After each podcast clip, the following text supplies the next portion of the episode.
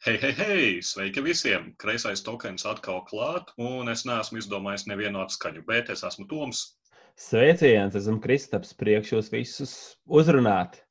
Jā, nu, augustu mēs iesākam tikpat aktīvi kā citus mēnešus. Kas tev, Kristap, jauns vispār apkārt riņķī?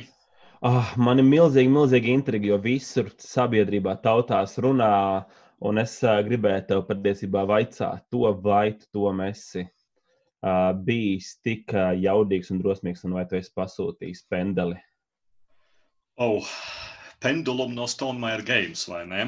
Jā. E, teikšu, ka nē. Un kas ir patiesībā ļoti dīvaini, jo es nu, esmu Stonemaier Games uh, publiskā seja bez maz vai jau, un, un, un, un, un čempions. Tikko zaudējām sponsors. jā, jā, jā, tas tā ir kā ir. Bet uh, pendulums mani pilnībā nepārliecina, jā, un, un tie argumenti ir diezgan daudz. Pirmkārt, tā ir reālā laika spēle. Un izdevējs viņš gan mēģina pārliecināt, ka tas nav īsts real time ar visām izvietošajām sekām, bet, nu, cik es esmu izpētījis, tas ir gan tas ir so real times. Ja? Un, un, un reālā laika spēles nu, tik ļoti nav mans žanrs, cik vien var nebūt. Ja? Nu, tas tā uzreiz man lika pašīties, ka šo spēli pasludināja. Otra lieta, ka Stonemaier Games, kā mēs labi zinām, viņi sirgst ar tendenci piedāvāt tirgumu nesabalansētas spēles. Ja? Tā bija ar sākotnējo viticulture, tā bija ar eiforiju, tā bija ar saitu, tā bija ar tapestriju. Ja? Un, mm. un, un visās tajās minētajās spēlēs tās problēmas varēja atrisināt, piemēram, aizliegt kādas nācijas spēka kombināciju, uztaisot grāmatu, workeri, ja, izdarot labojumus, kā jāsāk spēle, tur sākuma pozīcijas. Bet pendulums tur nāk tas neparedzamais faktors, manuprāt, reālais laiks. Un, ja tur, manuprāt, nu, ja kaut ko salaiž dēlī vai izdod pazaļu negatīvu, tad izlabot būs daudz, daudz grūtāk. Un, un, un es pat nedomāju, ka tāda labojuma varētu tikt veikti, ja spēle negūs popularitāti. Jo ir vairākas spēles, ko zināmi pat izdevēji lieli atstāja novērtā, ja tās spēles nav gan ieskrējušās. Man vienmēr labākais piemērs ir kolonija uh, no Bezie Games, kas breaktin brēc pēc paplašinājuma, ko nekad nedabūs. Jā. Nu, Stonemairs viņš gan mēģina uzturēt pie dzīvības arī, piemēram, vienu no savām nepopulārākajām spēlēm Euphoria, jā, bet, bet vai tas pats notiks ar pendulumu, ja būs negatīvās atsauksmes un, un, un spēle būs vilšanās? Bet, nu jā, patiesībā tie arī man trešais arguments, ja, kāpēc, lai pendulums būtu vilšanās. E, ir jau apskati, ir pirmie apskati, un e, manu trauksmes zvanu zvana ne jau Toms Vaselis, kas tomēr īpaši tā necienīja, ja, bet ir tādi apskatnieki kā Tantrum House. Mm -hmm. Simpātisks, bariņš, pozitīvu cilvēku. Viņi praktiski nekad par spēlēm nesaka neko sliktu savos apskatos. Parasti viņi argumentē, kādēļ spēlē ar savām dīvainībām kādam patiktu. Nevis teikt, saka, ka tās dīvainības ir kļūdas vai problēmas. Penduluma apskatā praktiski viens no pirmajiem apskatiem no Tantrum House, ko es biju redzējis, nevis tiek teikts, kam tā spēle patiktu, bet norāda uz problēmām. Un tā ir slikta zīme, jo, ja pat tik pozitīvi apskatnieki norāda uz problēmām, ja, tad nerunāsim par Tomu Vaseli, ja, nu, kurš neiedēl pat daistāvu ar prūdi, ja, kas principā ir jebkurai kaut cik cienījamai spēlē. Ja. Un uh, interesanti arī tas, ka Vaselis pievērsa uzmanību tādai lietai kā smilšu pulksteņu iespējamām problēmām. Un jā, tas ir tas saucamie, jā, production issues. Viena lieta, ka viņi gāžas, kas ļoti var traucēt, un otra lieta, kas man vēl vairāk nepatīk, ir tas, ka ilgākajam no pulksteņiem laikam ir paredzēts 3 minūšu ilgums, bet Vaselis ir nomērījis 3 minūtes 45 sekundes. Un tā, un tā ir mm. milzīga nobīde. Ja? Es tādu nobīdi, es nezinu, es pieļautu Escape vai Magic Maze, ja? bet ne jau spēlē, kas ir kā, kaut cik nopietns eiro, ka, ka vienkārši tavs pulkstenis iet par ātrāk vai lēnāk, ja to jau nevar zināt, kā ķīnieši viņu ir uztaisījuši. Ja?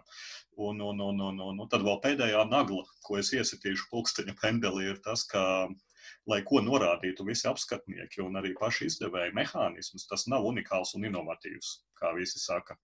Ir tāda daudziem aizmirsta spēle no Egeršpila, 2013. gada spēle Time and Space, kuru es savulaik arī tev, Krista, piemānīju. Atceries? O, jā, o, jā, tas bija traģiski. Tas, nē, es nezinu, vai tas bija traģiski. Tas bija jautri.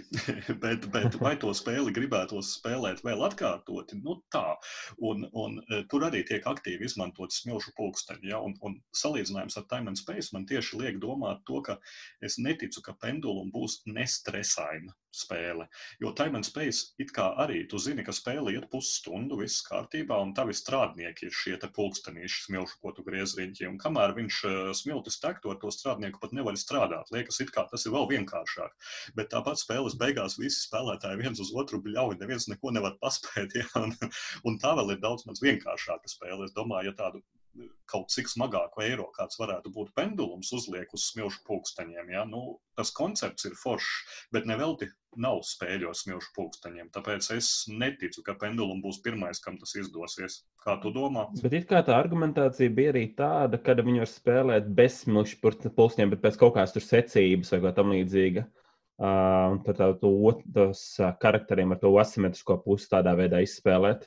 Nu, jā, jautājums, ap ko tā spēle ir veidota. Jo bieži vien, ja tas pamata mehānisms, iecerētais, ap ko mēs veidojam spēli, ir smilšu pulksteņi, ja, Mm. Nu, tad, tad tie varianti nestrādās. Tas ir tieši tāpat kā saitu mēs labi zinām, izveidoja balstoties uz Jakuba Rozalskī mākslu un izveidoto pasauli. Ja?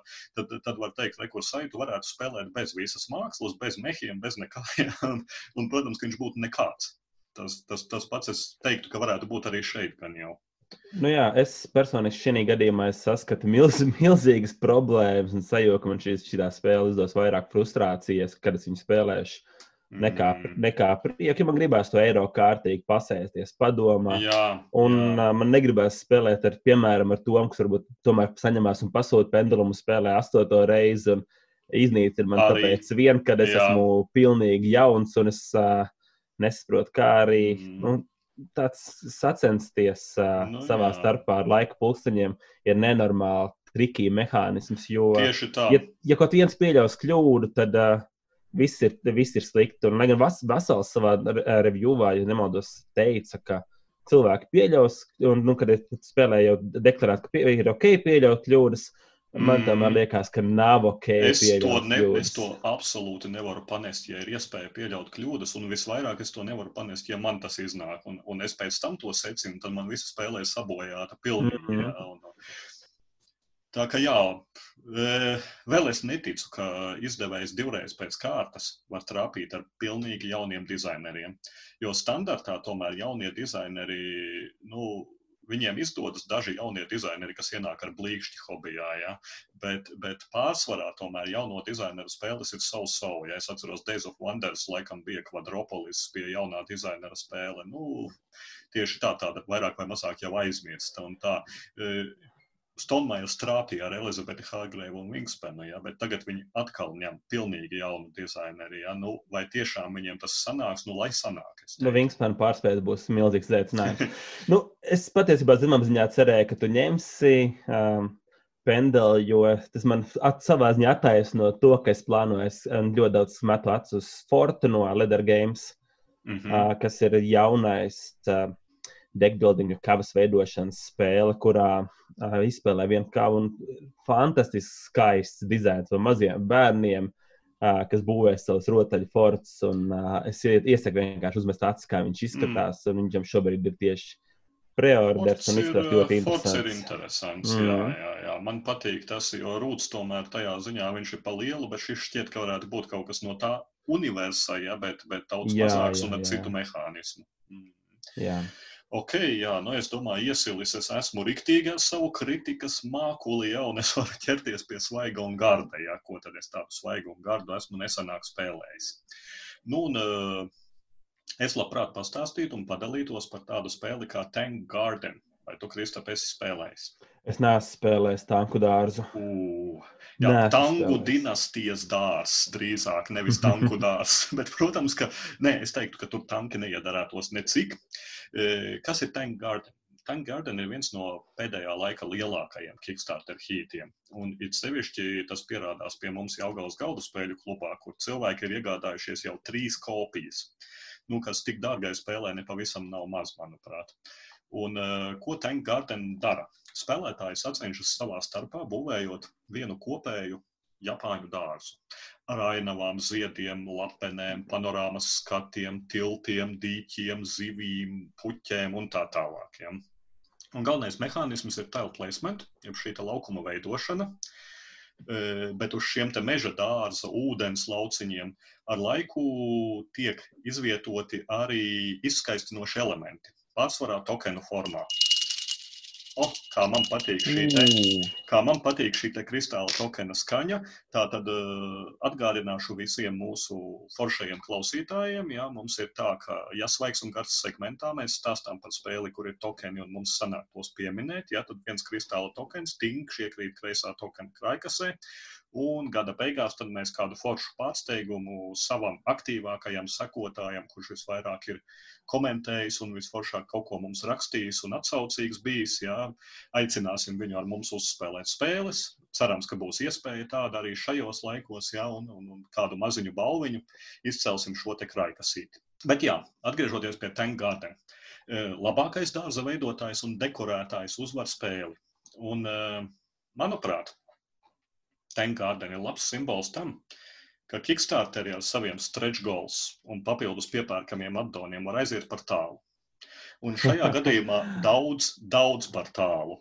Uh, Tank Garden, es teiktu, ir tā kā caca, kas ir ekipējusies ar apzeltītu košu Dolce Gabbana somiņu, nokrāsojusi košus platīnu blondus matus, uzlikusi puskilo kosmētikas, iekarinājusi zelta uzkarus līdz plecam, nezinu, spilgti rozā pūkaina jaciņa, jā, spīdīgas melnas ādas bikses, jā, un tad viņa iet cilvēkos, iet uz spēļu vakariem. Spēles komponenti ir sasodīti izskatīgi, atsevišķi. Jau setup laikā tu skaties, un viss ir wow. Nu, kad tu redzi, ka tas ir Kickstarteris, nu, tā kā pilnīgi ir uzķūnots, uzpimpots, ir viss, ko varēja. Bet tad, kad to visu sāka lietot un izvietot uz galda, es teiktu, ka tas pārvēršas par pilnīgu raibu, nepārskatāmu jucekli. Ja? un e, tas vien, ka jau spēles vidū, no savas galda puses, tu nevari redzēt kritiski svarīgus elementus. Tu tiešām nevari, tev ir jāceļas, jāiet otrā galda pusē.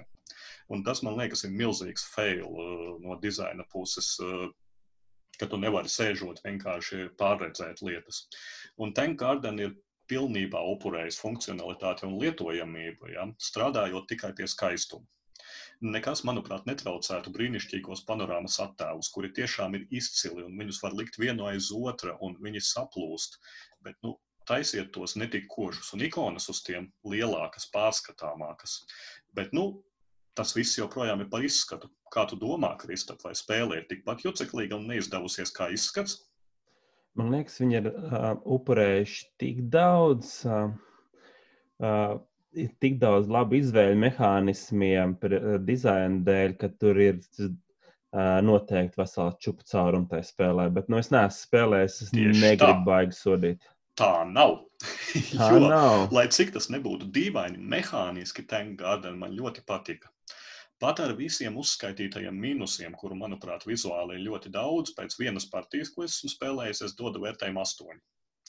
Mm. Es nezinu, kā būtu spēlēt Tank Garden divatā. Es esmu diezgan drošs, ka viena specifiska noteikuma dēļ spēlē ļoti nesabalansēta trietā. Bet eh, četratā spēlējot, tā ir lieliska sacensība.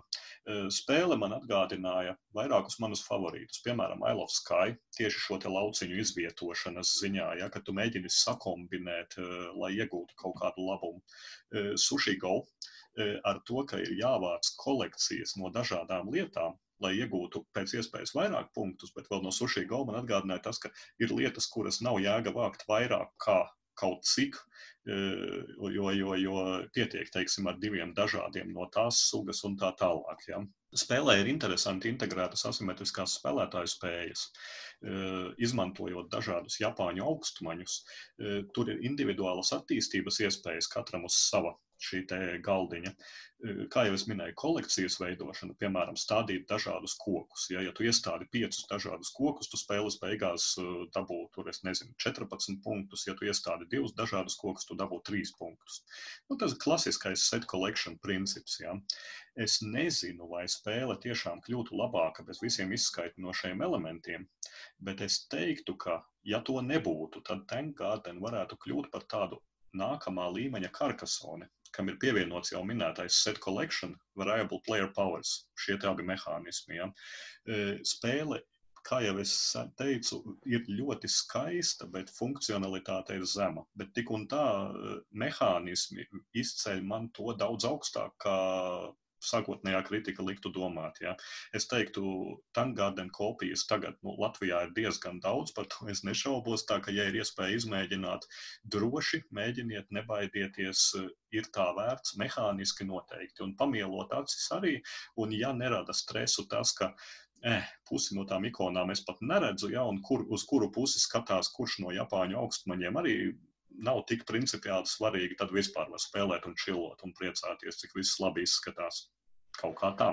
Man te jautājums, kāds spēle, kāds vērtē spēli no uzlikšanas un noņemšanas viedokļa. Man liekas, tur tik daudz pričenu dēļ, ka, cik es atceros, kad tu spēlē to spēli, tad cilvēki, kas bija gatavi mācīt, viņi teica, ah, kad baigā, baigi negribās. Un baigā nevēlēšanās sākt. Jo... Man šķiet, ka tik traki nebija, bet es darīju to, ko es daru ļoti bieži pie setup un setdown. Es sēdēju un dzēru alu, tāpēc es nevaru tā īsti nokomentēt, cik tas bija čakarīgi, bet es teiktu, ka, ja tos mazo, ja, ja neizjauc ārā gazebo stila paviljonus, es nezinu, vai man liekas, ka lielajās kastēs tie lien iekšā tāpat neizjaukti, nav tik traki. Deks ar kārtīm, čupiņā ar augstmaņiem, ja, un, un, un taili ar muguriņām vienādām četri dažādās grupās.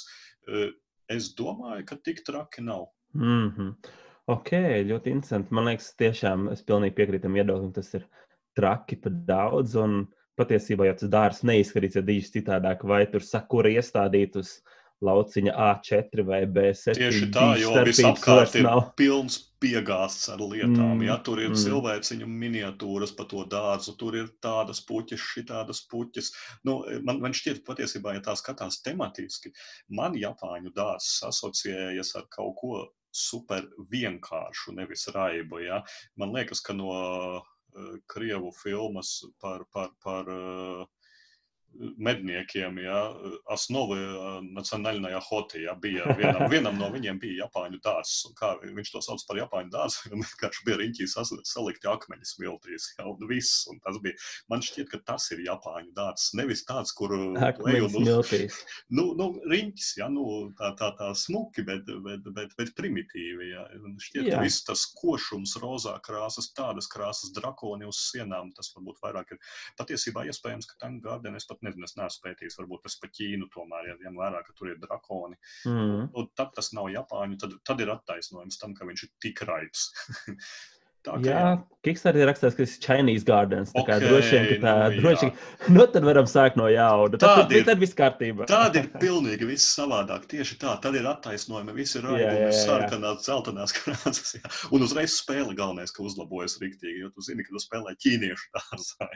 Tas, laikam, būtu tas, kas man šī spēlēs vairāk varētu kaitināt, ja spēlētu. Man liekas, ka ir tik daudz komponents, un es šoreiz uztaisīšu tādu dārzu, nobildēšu un ielikšu Instagramā, pēc tam uztaisīšu citādā dārzu, nobildēšu un ielikšu Instagramā.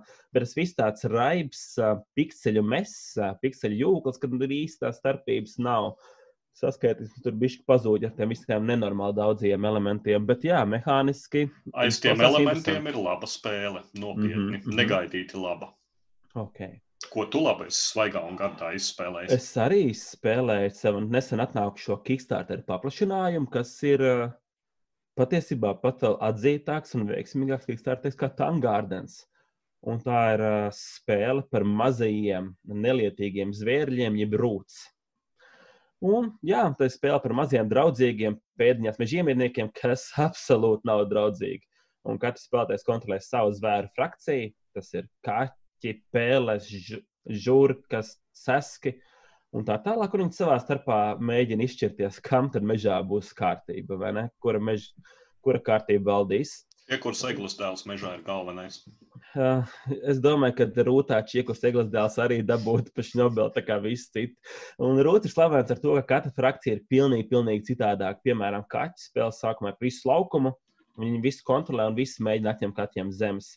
Sasks ir nelietīgs. Uh, patiesībā, nu tu brīdis sauc par sasku, uh, viņš ir viens pats, visiem tirgojās, mēģina kontrabandu visiem iedot, bet pārējiem ir jābūt skaidrs, ka saskam vienmēr vajag kārtīgi iedot šnobeli, citādāk būs slikti. Un spēlēji, neskatoties to, ka ir ārkārtīgi mīlīgi mīplīši, mazie koks figūriņas, kas ir zvēriņi ar jaukām acīm, spēlē ar baigi asie zobiņi. Tur ir uh, nelietīga interakcija, tik pa laikam var kādu spēlētāju kārtīgi nonest. Un tas viss ir tā forši, forši ieslēpts. Bet, nu, īpaši gribēju pieminēt to, ka man atnāca beidzot Kickstarteram otrais paplašinājums. Man ir viss no rūta. Un otrais paplašinājums pievieno spēlē kurmjus un kovārņus. Kā arī divas jaunas kārtas, ezerus un kalnus. Un, principā, kurmi ir ļoti interesanti, jo viņi var izrakties jebkurā vietā, pēkšņi parādīties, sakārtot spēles laukumu, bet viņiem vājā lieta tā, ka viņiem ir sava augstmaņa, kuri, ja tu zaudē māju, tad apvainojas un atkal ieliek zemē un viss slikti. Tā pašā laikā kovārņi liek dažādas lamatas citās vietās, un pārējiem spēlētājiem tas ir jāmēģina kontrolēt. Um, kopā ar ezeru karti, kas, uh, kā arī kalnu karti, ir fēnijos, spēle parādās um, daudz interesantu un uh, aizraujošu elementu. Un patiesībā otrais paplašinājums, es teiktu, ka ir galvastiesu labāks kā pirmais. Uh, jo, jo viņš ir mazāk zemudrīts. Abas divas frakcijas ir atšķirīgas no esošajā, bet uh, krietni vieglāk iemācīties. Tur nav nekādas tur baigās apskatās lietas. Piemēram, pirmajā paplašinājumā bija ūdru frakcija, kur cits spēlētāji nesapratās, viņiem vajag vai nevajag tirgoties ar viņiem un tā tālāk. Tā kā es salīdzinu paplašinājums, noteikti iesaku šo. Bet Tā kā mēs neesam runājuši par rūtu, droši vien ir uh, interesanti padomāt, ko es vispār saku par rūtu. Bet uh, varbūt tom tu vari piemest no sākuma savu ar tavu, kas tev rūtā ir for, liekas forši un kas tev attur. Uh, man šķiet, ka tu esi gan runājis par rūtu jau kādas pāris reizes vismaz. Katrā gadījumā tu diezgan bieži viņu piemini dažādos. Ja? Mēs neesam tā tirzājuši rūtu. Ja? Uh, man, man, uh, patīk uh, asimetriskais koncepts, viennozīmīgi patīk. Ja. Eh, man uh, rūtam lielākā problēma, es esmu spēlējis divas partijas, ja nekļūdos, tad abas reizes uzvarēju ar dažādām frakcijām. Ja man ļoti interesētu izspēlēt ar divām pārējām frakcijām, bet, diemžēl, kopā nu, ar divām pamatspēles. Jā, tagad jau kopā ir astoņas tieši tā man interesētu, bet parasti Kristaps tik ātri nokomplektē savas rūta partijas, ka es pat nepaspēju pamirštināt vai atvērt alu, ja, kad viņi jau sēž un spēlē kādā stūrī. Tā kā jā, man, man nepatika abās reizēs diezgan izteikti viena lieta. Man šķita, un es šajā gadījumā piekrītu šādam pensitaunu apskatniekiem, ka rūts ir tāds uh, četrpusējas šūpoles, ja, kur visu laiku šūpojas uz vienu pusi, uz otru pusi, uz vienu pusi, uz otru pusi, un tad pēkšņi pienāk tie 30 punkti, un ja tu tajā brīdī esi uzšūpojies augšā, tad uzvari spēli, bet ja tu pirms diviem gājieniem biji augšā, tad tagad tu esi lejā. Ja. Nu, tie spēlētāji viens otru visu laiku uh, iedzen no, nu, līderis tiek visu laiku tauzīts, lai viņš nokristu. Un arī pati spēle, teiksim, putnu klanam, kas ir arī dinastija, ar ko es pats neesmu spēlējis, ja, ir tā, ka viņi aug, aug, aug, aug, aug atraujas no visiem, dabū milzīgi daudz punktus, un tad viņiem ir spēlē pat iebūvētais šis kritiens, un tad viņi pams atkrīt rīktīgi. Ja. Un, un, Tādējādi man tā spēle liekas, lai ko tu darītu, jā, un, un it kā tu spēlēt vari, it kā prātīgi, it kā labi tu vari spēlēt, bet lai ko tu darītu, uzvar veiksme. Ja tu neesi galīgi laidis luni un nepaliec tur ar 15 punktiem, ja, tad visi spēlētāji tajās abās partijās, kuras piedalījos, grozījās ap to 30, 25 amplitūdu. Ja, un jebkurš varēja uzvarēt. Es uzvarēju divas reizes nevis tāpēc, ka es justos, ka es darīju kaut ko labi, bet tāpēc, ka es tajā brīdī, tajā gājienā, kad beidzās spēle, es biju priekšpusē. Nu, tas tie ir mani iebildumi. Varbūt, ka vairāk spēlējot, varbūt, ka tomēr var šo meistarību norūdīt. Es tev ļoti lielā mērā piekrītu. Patiesībā, kad man cilvēki liek prasa par rūtu, man tā pirmā doma, ka ir dzīvnieku vārdiem rūts ir grūts. Un dažādos uh, aspektos arī novērtēšanā, jo tā mehānika, ko Toms pieminēja, kas paredz, ka spēlētājiem pašiem ir jāizbalansē spēles uh, disbalans dažādos brīžos un jāinteraktē, tas pēc būtības, manuprāt, ir slikta mehānika. Jo diezgan bieži ir uh, gadījumi, kad kaķi ir atrāvušies, un kādam spēlētājam ir jāupurē savus mērķus, lai pamēģinātu viņus tādā veidā paņemt mazliet dabūt punktus nost un tā tālāk. Bet es neteiktu, ka tur pilnībā ir veiksme. Lai gan, jā, man pietrūks rūtam tas vienkāršais Eirogame koncepts, ka kāds sasniedz 30 punktus, sākas pēdējais rauns un visi izspēlē līdz galam. Tas būtu mm. ārkārtīgi jēdzīgs šeit patiesībā. Un otrais grūtais aspekts rūtas, kā jau Toms teica, ir super populāra spēle Jālgājas galda klubiņā. Uh, šobrīd gan sanāca, ka man vienīgiem viņi ir. Un, uh, es diezgan bieži domāju, ah, es neņemšu, ir tik čakarīgi iemācīt četras frakcijas katru reizi. Lai gan jāpiebilst, ka spēlētāja laukumi ir absolūti izcili. Um, labāk ir tikai Blackout Hongkongam, manuprāt. Uh, tur viss ir rakstīts, un cilvēkiem kļūdas radās tāpēc, ka viņi neizlasa kārtīgi. Bet tik un tā tā mācīšana ir mokoša.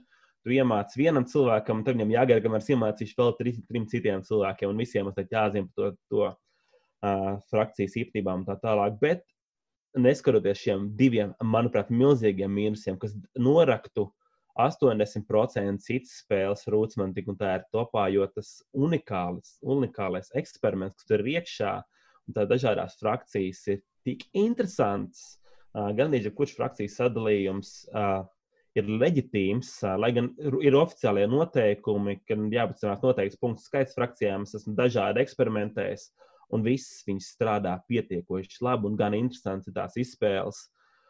Cik tu esi jau spēlējis no astoņām? No astoņām no, no frakcijām es neesmu spēlējis laikam tikai vienu no frakcijām neesmu spēlējis. Mm -hmm. Tā kā gana, gana daudz rūtas spēlēs ar desmit reizēm. Top 3. Nu, Top, man, man ir mīļākā, lielisks jautājums. Vislabākā frakcija ir putni. Noteikti. Mm -hmm. Man mhm. patīk engine building, dēļ, būvēt to tā. engine jā. un panākt, ka viņi nesen, nesenās. Tas ir simtsēdākais. Šobrīd otrajā vietā varētu būt kurmji, kas ir feina. Un trešā vieta man šķiet, ka patiesībā ir kaķi, ar kuriem es neesmu uzvarējis. Man gan izdevās uzvarēt dominēšanas stratēģijas, pats nopudelēja, bet ir rūtēm ir alternatīva. No, bāzes, bāzes rases ir topā trīniekā, divas no trim. Jā, jā, jā, jā. Nu, viņas ir labas, un tā pirmā pašnēm rases ir diezgan samudrītas, gan pret ķirzakas, gan ūdri. Un tas, kas ir vēl viens milzīgs pluss rūtām, ka tā savā ziņā ir kara spēļu tipa žanra spēle. Un viņa ar savu burvīgo dizainu, ar maziem zvēr, zvērļiem, panāk to, ka spēlētājs nemūžams skatītos uz Romu pret Kartāgu. Tāda tā, vai varam gālu spēlē pa galiem, nemūžam nepieteiktos kara spēli, bet rūts var dabūt šo visu sakon, sakompresēt mazā kastē ar mierīgiem dzīvniekiem, tur dabūt to sajūtu gan, gan interesantu, gan labu ar tām dažādām frakcijām. Tā kā, um, es noteikti no savas puses ieteiktu rūtu katram spēlētājam atrast kādu, kurš ir gatavs labi iemācīties. Nekad mūžā nepraksieties cilvēkam, kurš saka, no nu, es vienreiz izlasīšu noteikumus, vai skatīsimies, kā tās frakcijas spēlē, būs slikti. Rūtam ir 20 lapas pušu papildus grāmatas, tas lava frūta. Uh, ja jūs zināt, ka jums ir kārtīgi iemācīt cilvēks rūta, noteikti vērts izmēģināt. Es domāju, ka visticamāk tas būs milzīgs uh, wow. Galda spēles varbūt arī šī tik traks. Uh, bet uh, nu, ir jārēķinās, ka, ja jūs paņemsiet uh, kādas rūtas, tad iespējams būs grūti atrast, uh, ko, ko spēlēt, ko iemācīt. Bet, lai gan, uh, ja, ja jūs esat gamer pulkā, tas noteikti nebūs traki. Bet jā, jaunais paplašinājums, un rūtam būs vēl, es domāju, vismaz desmit rases kopā ir garantēts. Gan jau. Kā tu vispār vērtē šo te Kickstarteru tendenci? Nepaspēsim visu laikā, gribam ātrāk naudu, bet sadalīsim, ka tu saņemsi kaut ko pēc diviem gadiem. Tev tas nekaitina? Uh, man patīk šī tendence. Man, manuprāt, lieliski ir Nemesis izdarījis. Uh, Viņš Tieši tas ir otrs piemērs. Jā, un Mansions of Madness, man liekas, arī, vai, vai ne, Zombicides laikam sūta katru pusgadu kaut kādu jaudu čupu ar miniatūrām. Jā, jā, jā. Un, protams, man arī bija tā, ka atnāca, ja nemaldos, es neatceros to pirmo pamatspēli, vai atnāca viss kopā vai nē, jo šis jau bija otrs Kickstarter. Viņš palaida papildus otro Kickstarter ah, tikai par šo okay. paplašinājumu. Mm -hmm. uh, bet tas kāds koncepts kā tāds nemesies paņemt to toreiz to dubultu atsūtīšanu. Un man bija pamatspēles, viņi varēja kārtīgi izspēlēt, tādās paplašinājumā. Tas bija ļoti svaigi un fēni. Es ieteiktu vairāk tā darīt kompānijā, nevis marinēt, kamēr viss pabeigts un mm -hmm. darboties. Jā, vienīgais rūtā, kas bija super nejauki, ir tas, ka, uh, ja tu gribēji ņemt arī pamatspēli un otru paplašinājumu klāt Kickstarterī, viņš maksāja apmēram 30, eiro, 30 dolāriem dārgāk nekā pirmajā Kickstarter reizē, kas bija man liekas, nu, jā. Nu, spēlē kļūsi ļoti populāra. Nu, 30, jā, viņi 34. vietā BGG, kas, manuprāt, ir par augstu, bet uh, tas rūta burbulis ir tik liels un traks, ka cilvēki novērtē. Un... Viss kārtībā. Man viņa ir 121. vietā, un mans tops, kā zināms, ir pareizāks par BGG. jā, jā, jā. jā.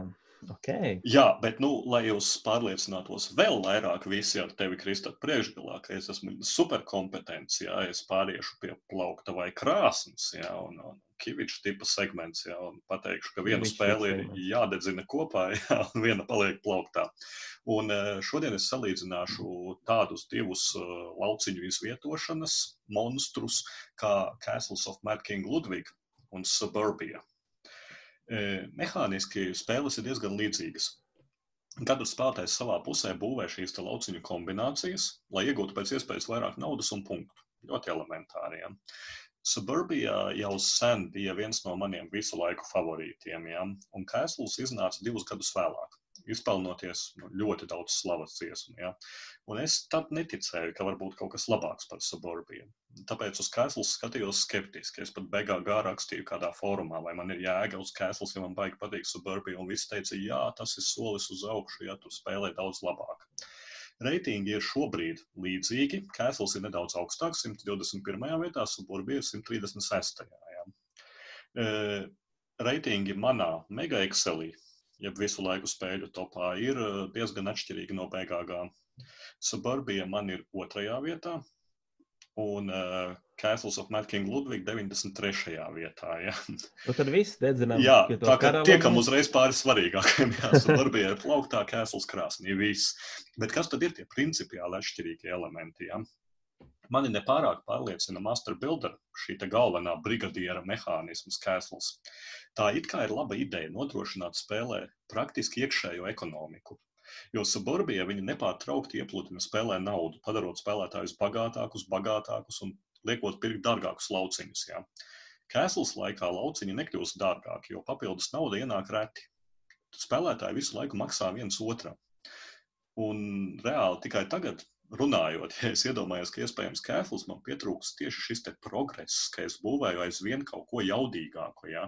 Jo Suburbija ir ABC eh, steki ar šiem lauciņiem, un lauciņi paliek aizvien labāki, punktus nesošāki, jaudīgāki. Ja? Eh, Kēslā tas nav. Un par šo master builder fāzi, ja, kurā spēlētājs nosaka cenu visiem pieejamajiem lauciņiem, tad visi viņam maksā, tad nākamais spēlētājs nosaka cenu. Šī fāze ļoti pagarina spēli, un es teiktu, ka šī ir viena no garlaicīgākajām fāzēm pārējiem spēlētājiem, kas nenosaka cenas. Jo it kā tu vari skatīties un domāt, es gribu, lai šos lauciņus viņš uzliek lētāk. Bet tu pat īsti nedrīkst viņam to teikt, un, ja tu teiksi, ka viņš viņus uzliks dārgāk, ja, nu, tur reāli nav ko darīt tās fāzes laikā citiem. Ja. Un otra problēma, ka tu nevari izplānot un sakrāt kādam lauciņam, ko tu ļoti vēlies. Jo suburbija tas ir konkrēti lauciņš slīd cenā uz leju. Vai nu kāds viņu nopirks, vai tas lauciņš kādreiz tiks izmests. Kēsls lauciņš vienu gājienu maksā 4000, nākamajā 12.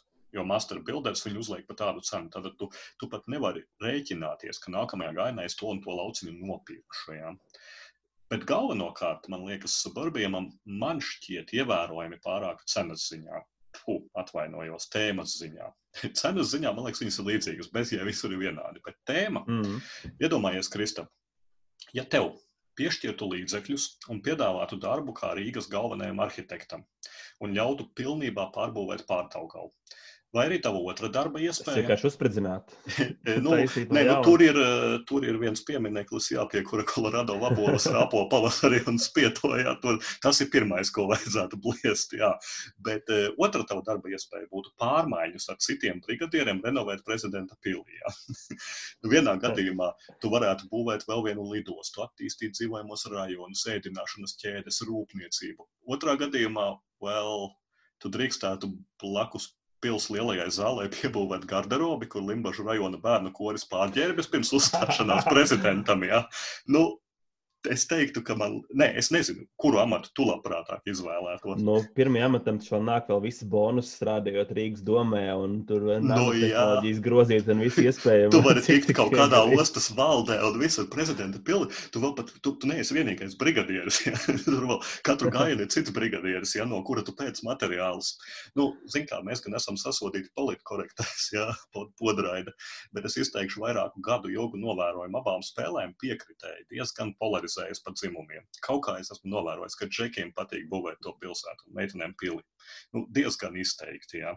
Uh, lai ko es teiktu par Kēslu, abas spēles viennozīmīgi ir labas. Tā kā atliek tikai izvēlēties sev tuvāko tēmu, ja man suburbija ir daudz labāka tiesa šī mēroga ziņā, ka tu reāli plāno savu pilsētu un tevi ietekmē arī blakus uh, mikrorajoni, ja, kas, kas Kēslā ir nu, praktiski nav. Ja.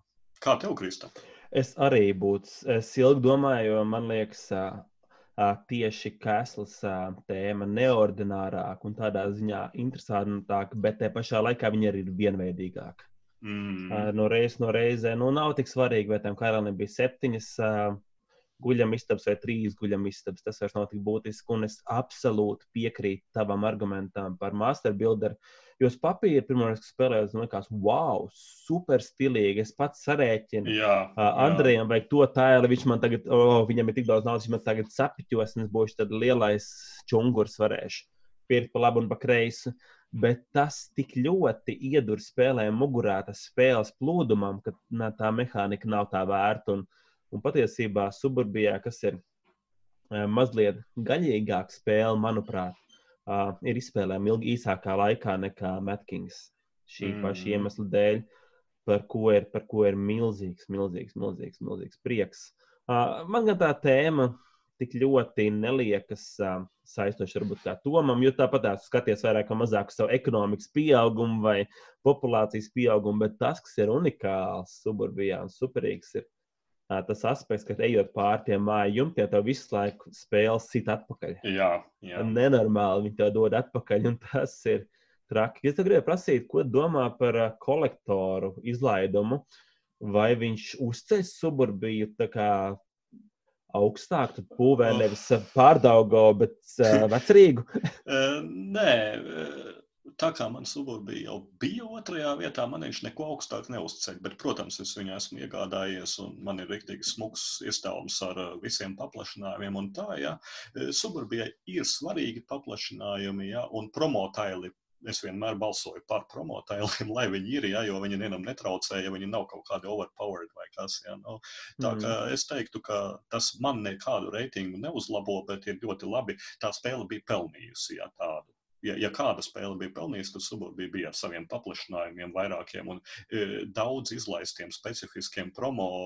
Un, un tā, ka viņa pēc būtības viss bezjēgējums izdotās, jebkuras spēles ir praktiski bez uh, normāla inzerta un kā to visu uzglabāt kastē, ja, nu tad beidzot uh, ir jāuztais kaut kas, kā to var salikt.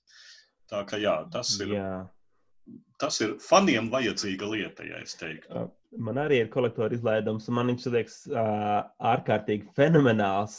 Viņš spēle uzlabo, viņš iedod mazus, mazus žetoniņus, ne, bet uh, mazas figūriņas, ko tur uzlikt uz lidmašīnu laukumiem. Lai pamanītu, kad uh, kaut kas aktivizējas tieši tā, tas mm, ir paplašinājumā. Bet tas, kas man liekas fenomenāls tajā paplašinājumā, ir tas, ka pirmo reizi redz, ka kaut kas tik gudri saorganizēts par sadaļām, par iedaļām, bet to ar tik liela sāpe uzlikts uz galda. Es, jā, es nespēju jā. saprast, kāpēc. Man arī ir tieši tas pats. Uh, Nē, nu, tā ir. Tāpēc, ka tas ir. Zini, kā ir? Es domāju, ka vienkārši ir, ir jāspēlē vienkārši daudz, daudz biežāk, jo spēle ir mm. izcila. Un uh, kamēr tu no tās milzīgās kastes izvēlēts ārā visus paplašinājumus, ko tu iekšā nekombinēsi, kaut ko, ko tu neizmantosi, un tad tu vēl skaties, kas tas tāds bija. Ja? vai man šito vajag vai nevajag? Ja tu spēli spēlētu divreiz nedēļā, tad tu precīzi zinātu, šoreiz mēs piesakām iesviedīsim to kastīti, šoreiz to kastīti. Jā, un, un, un tad arī nebūtu tik grūti. Jā, tam es varētu piekrist. Tam es varētu piekrist. Cool. Es domāju, ka tad mēs abi iesviedām un sadedzinājām kēslus, vai ne? Un, un, un suburbija stāv plauktā lepni un gozējas. Beidzot, tāda vienprātība šajā Jā. kantorī. Ok, Kristap, tavs laiks. Es teiktu, ka mēs gribam zināt kaut ko no dizainera darba galda. Tieši tā, draugie, draugi un klausītāji, ja jūs gribat būt kā Teds Alspaks, kas ir suburbijas dizainers, jums ir noteikti jāklausa dizaineru darba galds. Un šodien mēs runāsim par tēmu, vai ir vajadzīgi vispār publisheri, vai es arī pats varu visu izdarīt. Publisheri ir cilvēks, kas publicē spēles. Izdevēji. Uzņēmumi, izdevēji, jā. Piemēram, Latvijā zināmākais ir Brain Games. Es domāju, ka daži no jums par to būs dzirdējuši, un tas pats suburbietis būtu Bezier Games. Un lielais jautājums ir, ko es tagad atklāšu, un ko patiesībā tas nav nekāds noslēpums. To var izlasīt arī dažādos blogos. Ir tas, cik dizainers spēlē no pašas spēles, un vidē tirgu ir sava likme noteikti, ko uh, izdevēju astoņi kājas ir noteikti savā starpā, kas nu vienkārši patiesībā ir taisnība. Un tas ir plus mīnus 5% no apgrozījuma. Un Uh, tas uzreiz tāds pirmais jautājums ir, ka tu gribi jaunais, būt jaunais dizainers, ir pagaidi, pagaidi, pagaidi, pagaidi. Paga. Es tur dizainēju, tur viss izdomāju, man 5%, publisherim paliek 95%. Um, un kopumā patiesībā, cik es interesējies, ja tu esi Rozenbergs vai Felds, ļoti veiksmīgi tev. Jo tu varbūt vari dabūt 10%, bet nozarē visur ir tā, divi cipari skaiti, ir super, super retas. Viss tā varēs no 5, 6% un tā tālāk. Un tad jautājums tāds, ja dizainerim paliek tik maz, tad varbūt labāk ir mēģināt vienkārši lausties pašam. Jo, jā, iespējams, to var izdarīt, bet uh, es laikam to neieteiktu darīt, jo ir lietas, ko dara publishers un ko nedara dizainers. Un tās lietas ir tādas, ka publishers nosedz dažādas izmaksas, piemēram, spēles drukāšana. Uh, publishers tas, kurš zvana Ķīnai un saka uh, visiem vietējiem ķīniešu iedzīvotājiem, ka rekur mums vajag šo, to, un publishers tas, kas runā ar viņiem, tā, kad ir atnākuši aplīšu vietā kvadrātiņi un darbojas ar to. Izdevējs ir publishers tas, kurš strādā pie grafiskā dizaina, kas ir patiesībā spēlēm, tas ir nenormāli dārgs prieks. Tāpat tās ir distribūcija, jeb izplatīšana, kas nozīmē, ka ja tu esi pats iz, dizainers, nozīmē, ka jābrauc uz Essen, UK Games Expos, uh, Genkon un citiem Amerikas izstādēm, jāmēģina dabūt savu partneru, izplatīt savu spēli, viņiem nopārdot to, kas ir laikietilpīgs process, dabūt visus tos kontaktus. Un patiesībā tas ir diezgan, diezgan dārgi izstādēs piedalīties. Un patiesībā, kad es gatavojos Logic kārtas pašā sākumā, es meklēju arī pats cenas kāršu drukāšanai, un kas, protams, nav nevienam noslēpums, ka tās cenas pieaug atkarībā no apjoma. Ja tu drukās miljonus kārtas, tev būs viena cena. Tas samazinās, man šķiet, ne? Tieši tā, ja drukās miljonus, tev būs ļoti maz, iz, maz izdevumu uz vienu paciņu. Ja drukāsi tūkstoši, tev būs ļoti liela. Un es skatījos, ka tas, ko es varēju ātri atrast, būtu Um, nu, principā, loģika kārtas veikalos maksā šobrīd Latvijā 3,95 eiro. Un es pie savas drukas, man bija divi scenāriji. Vai nu uh, nodrukāt par cenu, kas ir apmēram šajā apjomā, vai pat dārgāka uz vienu paciņu, nozīmē, iedomājieties, viņa veiklā maksātu, vai arī panākt to, ka man mājās ir kastu kasts ar desmit tūkstošiem eksemplāru. Un es vienkārši peldu un domāju, ka viņam darīt. Starp citu, ļoti daudziem galdspēļu uh, dizaineriem ir šī problēma, ka viņi ir uzdzēnējuši savu desmit tūkstošu kopijas, viņam tagad ir pilna garāža ar viņu spēlēm. Un, jā, un tāpat dalības izstādēs ir ļoti, ļoti traka. Un plus, nākamā lieta tā, ka ir kontakti. Man iespējams nav tāda kontakta, kāda ir, kāda ir publisheriem. Līdz ar to uh, es nevaru sarunāt ar saviem partneriem, ko jau esmu sarunājis iepriekš, padodot četras citas spēles. Un varbūt man partneris nepateiks, ka tas tev ir monopola klons, jo katru gadu, gadu mums sudara vairāk tūkstošu spēles visā pasaulē. Tā kā Mm, ja es gribētu, es teiktu, citiem uh, dizaineriem, ja gribat darīt visu solo, tad, manuprāt, pats svarīgākais ir nenormāla pārliecība par savu produktu. Jo visticamāk būs jāvāc, jāņem aizņēmums par, es teiktu, pieci par skaitlis, desmitos tūkstoši. Un tas ieguldīja darba apjoms, un reiķināties, ka arī darbs maksā. Katrs uh, dizains, katrs uh, zvans ir tās izmaksas, ko varētu uh, paveltīt, lai dizainētu spēli ir tas, kas aiziet. Un tas pārējais process arī ir vien mazāk, mazāk laika. Tā, kā, tā izvēle tāda, vai nu koncentrējies un pivotē savas prasmes uz, uh, dizainu, vai tu mēģini visu darīt, bet ir lielais bet, ka ir pasaulē un Latvijā ir veiksmīgi gadījumi, kad ir bijuši dizaineri, mm. kas visu posmu taisni, taisos, taisni, taisījos iejaukties. Jā, jā, piemērs Latvijā ir tas pats Goldingen spēle, um, kas, kuras autors gadiem ilgi lolojas, pats visu izstrādājis, pats visu nodrukājis, un spēle bija, bija pieejama visos Latvijas veiklos. Uh, es neesmu pats spēlējis, viņa izskatījās ļoti zelīti, vizuāli. Es dzirdēju, ka tas ir uh, daudz kas ir aizņemts no katanas, bet uh, spēle ir vismaz ok. Bet mīnus tāds, ka uh, tā ir Latvijas tirgu pārsvarā pieejama spēle. Uh, diez vai viņi tika uz SN, diez vai viņi tika tālāk. Tur tas, tas problēma, ka tas dizains netiek galā ar tiem saviem sadarbības partneriem. Un pasaules mērogā labākais piemērs no, jā, no, noteikti ir Ryans Lokats. Protams. Red Raymond Games. Nu, viņam ir palīgi. Viņš nav pilnīgi Jā. viens. Viņi ir kaut kādi trīs tur, bet es, es nekad neesmu sapratis, kā viņš var visu to izdarīt. Plus arī zīmēt. Tas ir, tas ir vēl dīvaini. Jo viņš ražo, dizainē mehānikas, dizainē vizuālo dizainu, bet nu, jābūt arī godīgiem, ka tagad viņa kickstarteros, viņam jau tā komanda, komanda aug, viņam ir stāvs, supports, un nav vairs tā, ka viņš nevajag iedomāties, ka Rajans Lokats sēž viens pats savā uh, bunkurā, trailerī un visu to, visu to zīmē. Viņam ir komanda arī uz tām pašām izstādēm, viņi darbojās. Un, mārketinga cilvēki. Nu, zin, kā iespējams, ņemot vērā visas viņa dīvainās pasaules, varbūt viņš ir atradis kaut kādu portālu un viņam diennaktī ir 72 stundas. Un tad iespējams, jā. ka viņš visu to dara viens. Pilnīgi reāli. Jā, jā, jā. Kā tev liekas, Tom, vai tas ir reāli uzzīmēt šo pašam no sevis. No diezgan daudz beigām. esmu domājis. Ja. Starp citu, vēl viens nu, plus mīnus interesants piemērs ir uh, mūsu mīļais Ignācijas Čevičs no Portal Games, nu, kuram pieder mm -hmm. visa kompānija, viņš visu vada menedžē un viņš pa laikam arī kaut ko uzdizainēja. Vai arī es pat teiktu, ka ir bijuši gadījumi, kur tādi pusskandalozie, ja, kur kāds cits ir dizainējis, bet vā, uz kastes vāks ir Ignācija. Ja. Bet nu, arī tur nu, viņam neiet ar noteikumu grāmatām, ja, bet es... viņam izdodas savienot. Jā. Es teiktu, ka Ignācijam kāds sociālpātisks iezīmes, viņš ir pārāk traki vēls visu kontrolēt. Mm, viņam ir ļoti, jā. ļoti daudz nodarbojas lietām, ko viņam nevajadzētu nodarboties. Piemēram, pārāk traki līst. Um, mārketingā kā tādā. Ir ļoti fini tas, ko viņš dara ar podkāstu. Nu, viņš ir super fanāts. Tādām nu, lietām, jā, man... ir lietas, ka viņam nevajadzētu komentēt. Nu, tas ir cilvēks, arī. kurš man liekas tikai dzīvo, nu, viņam nekā cita bez maz. Ah, nē, futbols. Nu jā, viņam ir futbols. Viņš skatās futbolu. Tagad, jā.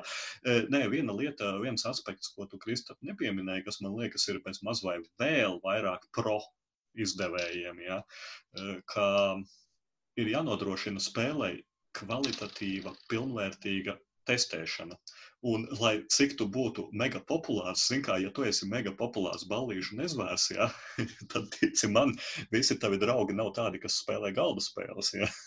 Un, ja tu esi eh, nūģis, kurš spēlē galda spēles, tad tev labākajā gadījumā ir 10-15 draugi, ja, un ja viņi visi tavu spēli ir izspēlējuši, un tu uzskati, ka tu esi izveicis testus pilnvērtīgus, ja, nu, tad tu esi jāapsis nevis dizainēs, ja, nu, mm -hmm. jo īstās spēles. Tiešām es esmu dzirdējis, ja, nu, ko esmu lasījis, ka Rozenberga, Uves Rozenberga spēles eh, testējot ap tūkstoti dažādi cilvēki. Ja. Iedomājieties, cik tās ir spēļu grupas, kas to testē. Ja. Latvijā tik daudz vispār gameru nav. Un uh, izdevējiem, lielajiem izdevējiem, viņiem ir pieejami šie te testētāji. Tam pašam tikko mūsu pieminētajam Ignācijam portālgēmos ir interesanti. Viņš ir lielījies par to, ka viņiem ir četru veidu testētāji. Viņiem ir testētāji, kas vienkārši testē spēli. Viņiem ir lauzēji, kuru mērķis visās partijās ir tikai atrast, kā to spēli uzlauzt, sabojāt, atrast kaut kādu caurumu. Viņi sāk spēlēt vienu mehānismu un tikai to drillē, ja? nu, lai pierādītu, ka spēle neiet. Ja? Mm. Tad viņam ir uzlabotāji, kas visu spēli mēģina piefiksēt, ko viņi grib mainīt, ko viņi grib papildināt spēlē. Ja? Un bija vēl ceturtā grupa. Tad, tās ir testētāju komandas, kurām publisheri vai nu maksā, vai kaut kādā citā veidā varbūt ar viņiem sadarbojas. Tas jau ir pašu izdevēju šo jautājumu. Ja?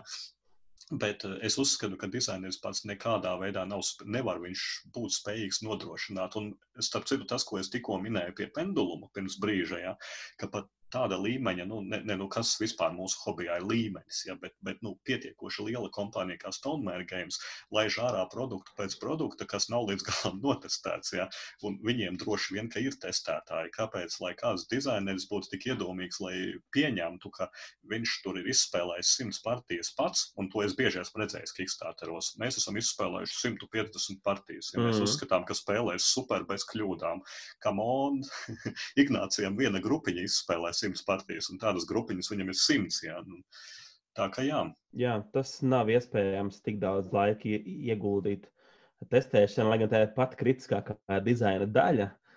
Viennozīmīgi, bet bez komandas, bez papildus aspektiem, tādus testēšanu, kas noslīpēšana, tā, bet nevajag pārprast, tā nav testēšana, vai tur strādā, vai tur nav kaut kas nenormāls salauzts. Tā ir testēšana vai kārti, ko var salikt kopā ar kārtu, kas vienā no simt reizēm izspēlēsies uh, un salauzīs spēli. Tā, Jā, tas bet ir tas ir, testing, tas ir balans pirmkārt. Mm. Otrakārt, mūsdienās tā galda spēļu kopiena ir tik jaudīga, un internets ir tik liels, ka, ja tā kārtas tev tur ir viena no tūkstoša pat, apmēram pēc divām nedēļām pilns boardgamings būs par to, ka tā spēlē salauzta. Un to par tavu spēli jau runās visi.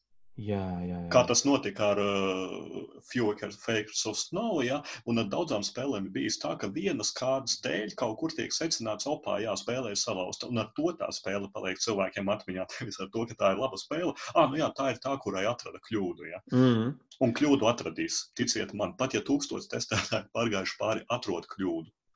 Tā kā tā, ja jūs uh, izdomājat un izveidojat visu, visu paši, tad ir absolūti fenomenāli un ģēnija, un es gribu jūs autogrāfu, bet citādāks.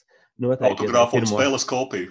Arī lūdzu. es, es noteikti ieteiktu sākt ar publisheru un saprast to tirgu līdz galam un kārtīgi. Un runājot par publisheru meklēšanu, uh, es esmu šobrīd pieteicies un aizsūtījis savus spēles Foreign Gods cell sheet un uh, materiālus uz UK Games Expo attālinātajiem pitčiem.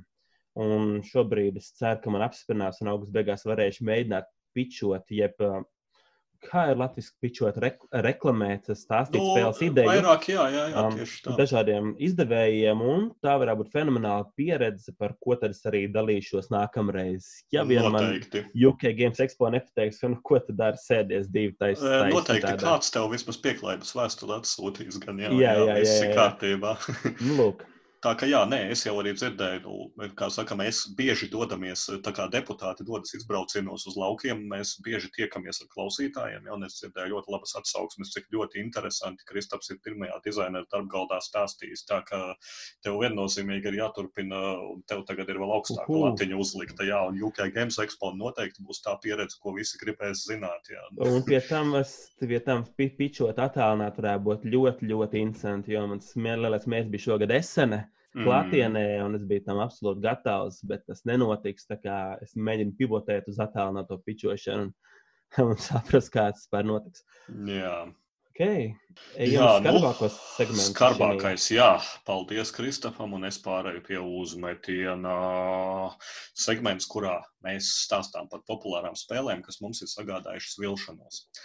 Un eh, šajā reizē es pastāstīšu par tādu spēli, kura iznāca esenē, un e, es šai spēlēju senā esenē, diezgan noteikti senā un nopietni senā, bet pietiekoši daudz es jau biju hobijā. Es rūpīgi sekoju visam, kas esenē notiek, izmantojot boardgame un citus materiālus, un redzēju, ka tur ir viena spēle, kura patīk pilnīgi visiem. Visi stāv ap galdiem, skatās, kā to spēli spēlē. Ja? Nu, absolūtais esenes hīts. Ja? Un šī spēle bija Escape, The Curse of the Temple. Noteikti esi spēlējis, Kristof, vai ne? Es neesmu spēlējis, bet zinu, kas tur notiek. Wow. Un es patiesībā esmu tevī vīlies, jo tu parasti izvēlējies viens no manām mīļākajām spēlēm. Kā... Tu vienkārši uh... neesi spēlējis. Ja tev patīk Magic Maze, tev patīk Magic Maze, vai ne? Nu, Magic Maze ir lielisks. Nu, re, tad tev patiks un noteikti patiks arī Escapes. Un visiem tiem tūkstošiem cilvēku, kas bija SNE, ļoti patika. Un kas ir par ideju? Escapes bija praktiski tajā laikā nu, viena no pirmajām šīm reālā laika spēlēm, kas tev dod milzīgu stresu un iespēju darīt visu ātri un pabeigt spēli desmit minūtēs. Desmit minūtes visa spēle beigusies. Un, eh, tiem, ja nu kāds tiešām nezina, kas ir escape, eh, tad tā ir spēle, kur eh, kooperatīva spēle, kur visi spēlētāji attopas templī. Un tēma, es teiktu, ir viena no dumjākajām tēmām, ko es esmu dzirdējis, ja, kur vienkārši man liekas, viņi piešuva, kāpēc būtu jābēg no tempļa. Tad tu esi apzadzis templi, tev ir pilnas kabatas ar dārgumiem, ja, un, un tagad templis taisās taisīties ciet un brukt, un tev tagad ir jā, jāizskaida pa to templi un jāatliek dārgumi vietā, un tikai tad tu varēsi izbēgt no tā tempļa. Ja, nu, eh, ok, jā, viņiem vajadzēja kaut ko izdomāt, kāpēc tu joņo un atstāji šos te dārgakmeņus dažādās vietās.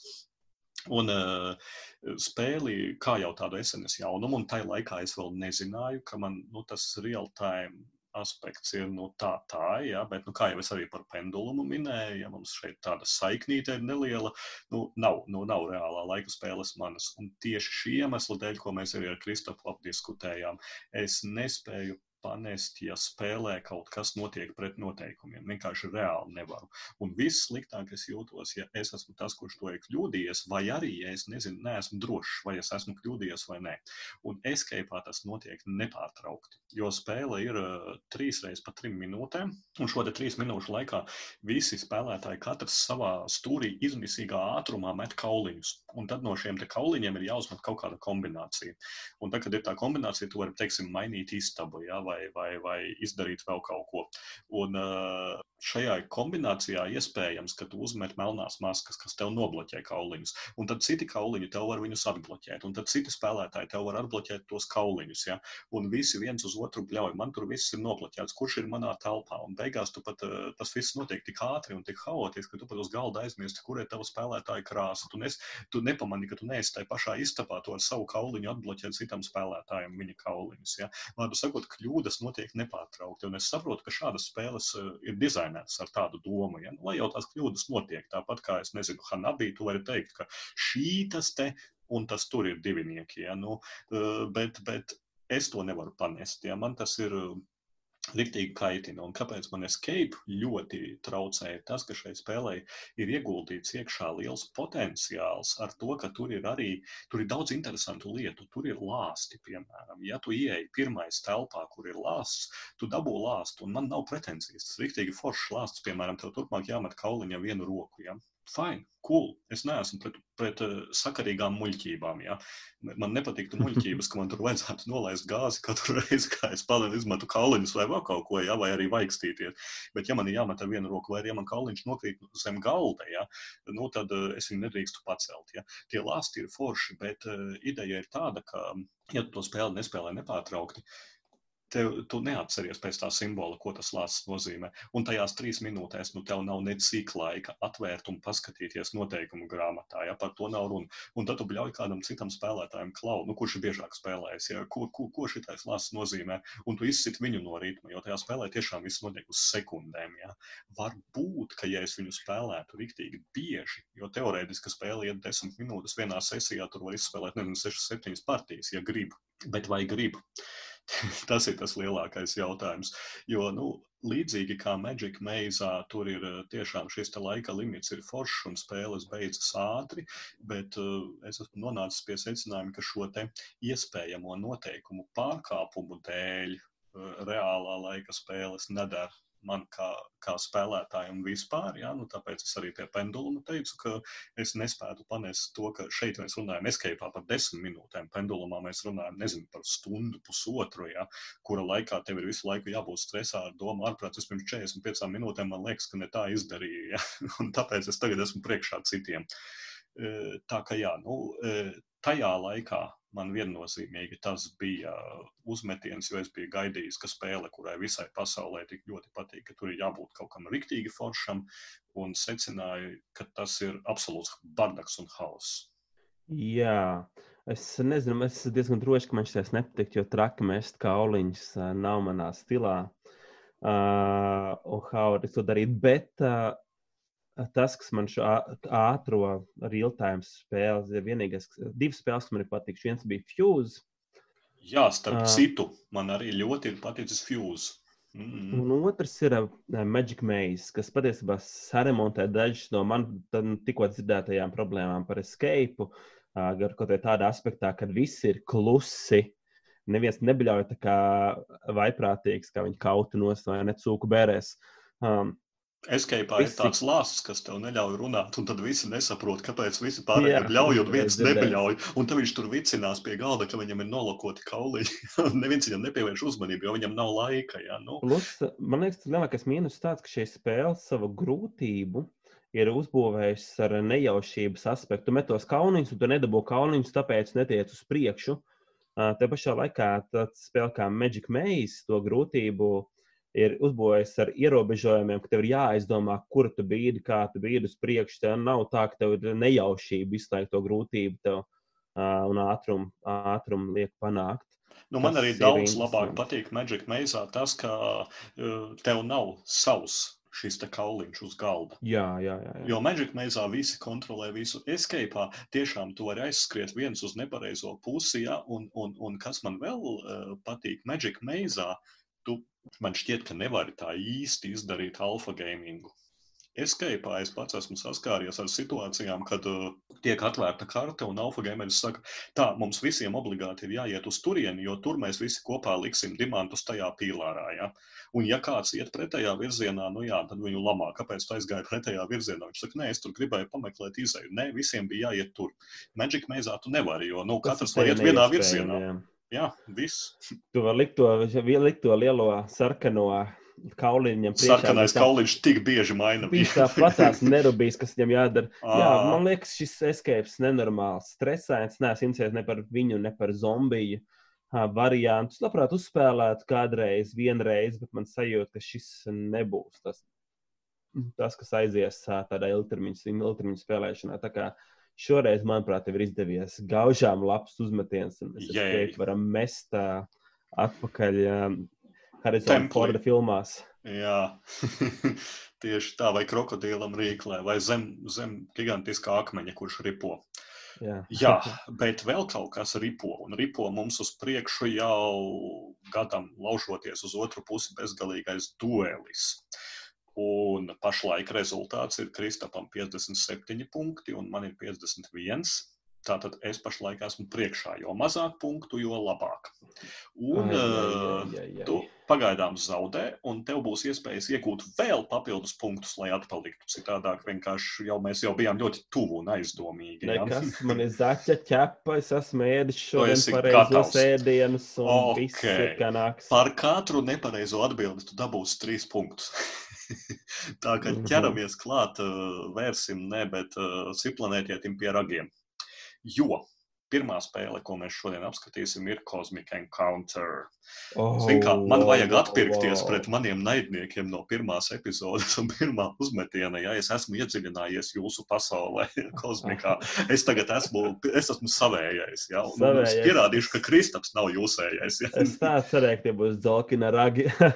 Nē, nē, nē. nē, nē. okay. Tātad, uh, iesildīšanās jautājums tāds ļoti primitīvs. Tātad, Cosmic Encounter pirmā versija. Kā zināms, ja tu zini, tad viņam bija pirmā versija. Jā, kurā 40 gadā. Tā iznāca. Variants A ui, ui. 1977, variants B 1981, variants C 1971. Mhm. 77, 81 vai 71. Ai, cik tuvu tu nevarēji. Es zinu, ka viņi ir ā, tēģi vai vismaz 40 gadus veci, kas principā dara visiem variantiem. Man liekas, ka viņi ir.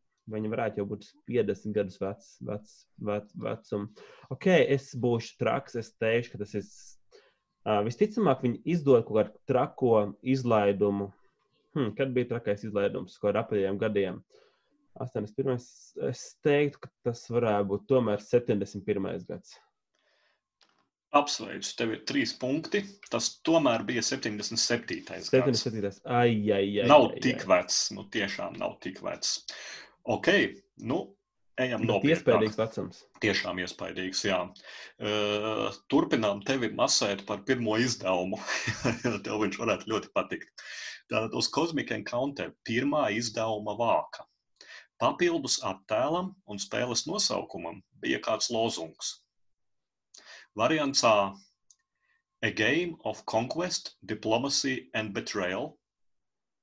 Variants, Varētu. variants B - There are some places in the universe you don't go alone. Variants C - The Science Fiction Game for Everyone. C ir vairāk kā skaidrs, ka tie ir pilnīgi meli. uh, man liekas, ka viņi varētu būt mēģinājuši to spēli noraksturot maksimāli precīzi. Tā kā es teiktu, ir pirmais variants. A. Ok, tu balso par spēli Dune. Dune, kas, kas ir ok. arī e, šīs te e, jaunā, jaunā Dune. Mhm. Mhm. E, Mhm. There are some places in the universe you don't go alone ir spēle Aliens, un The Science Fiction Game for Everyone ir Cosmic Ah, Encounters. kas par meliem? Viņa noteikti nav for everyone. Jā, nu tas, tas bija negaidīti. Lieliski, Jā. labi krāja punktus. Es lieliski, lieliski, jā. E, Trešais. Kādas populāras spēles dizaineris vairākās intervijās ir atzinis, ka Cosmic Encounter viņu ļoti ietekmējis? Kas ir šī spēle? Variants A. Varbūt tu bez variantiem vari.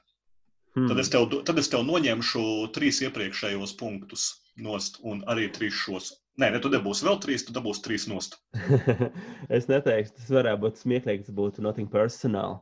Kas patiesībā varētu būt taisnība, tas nav- nekad nav teikts intervijā noteikti.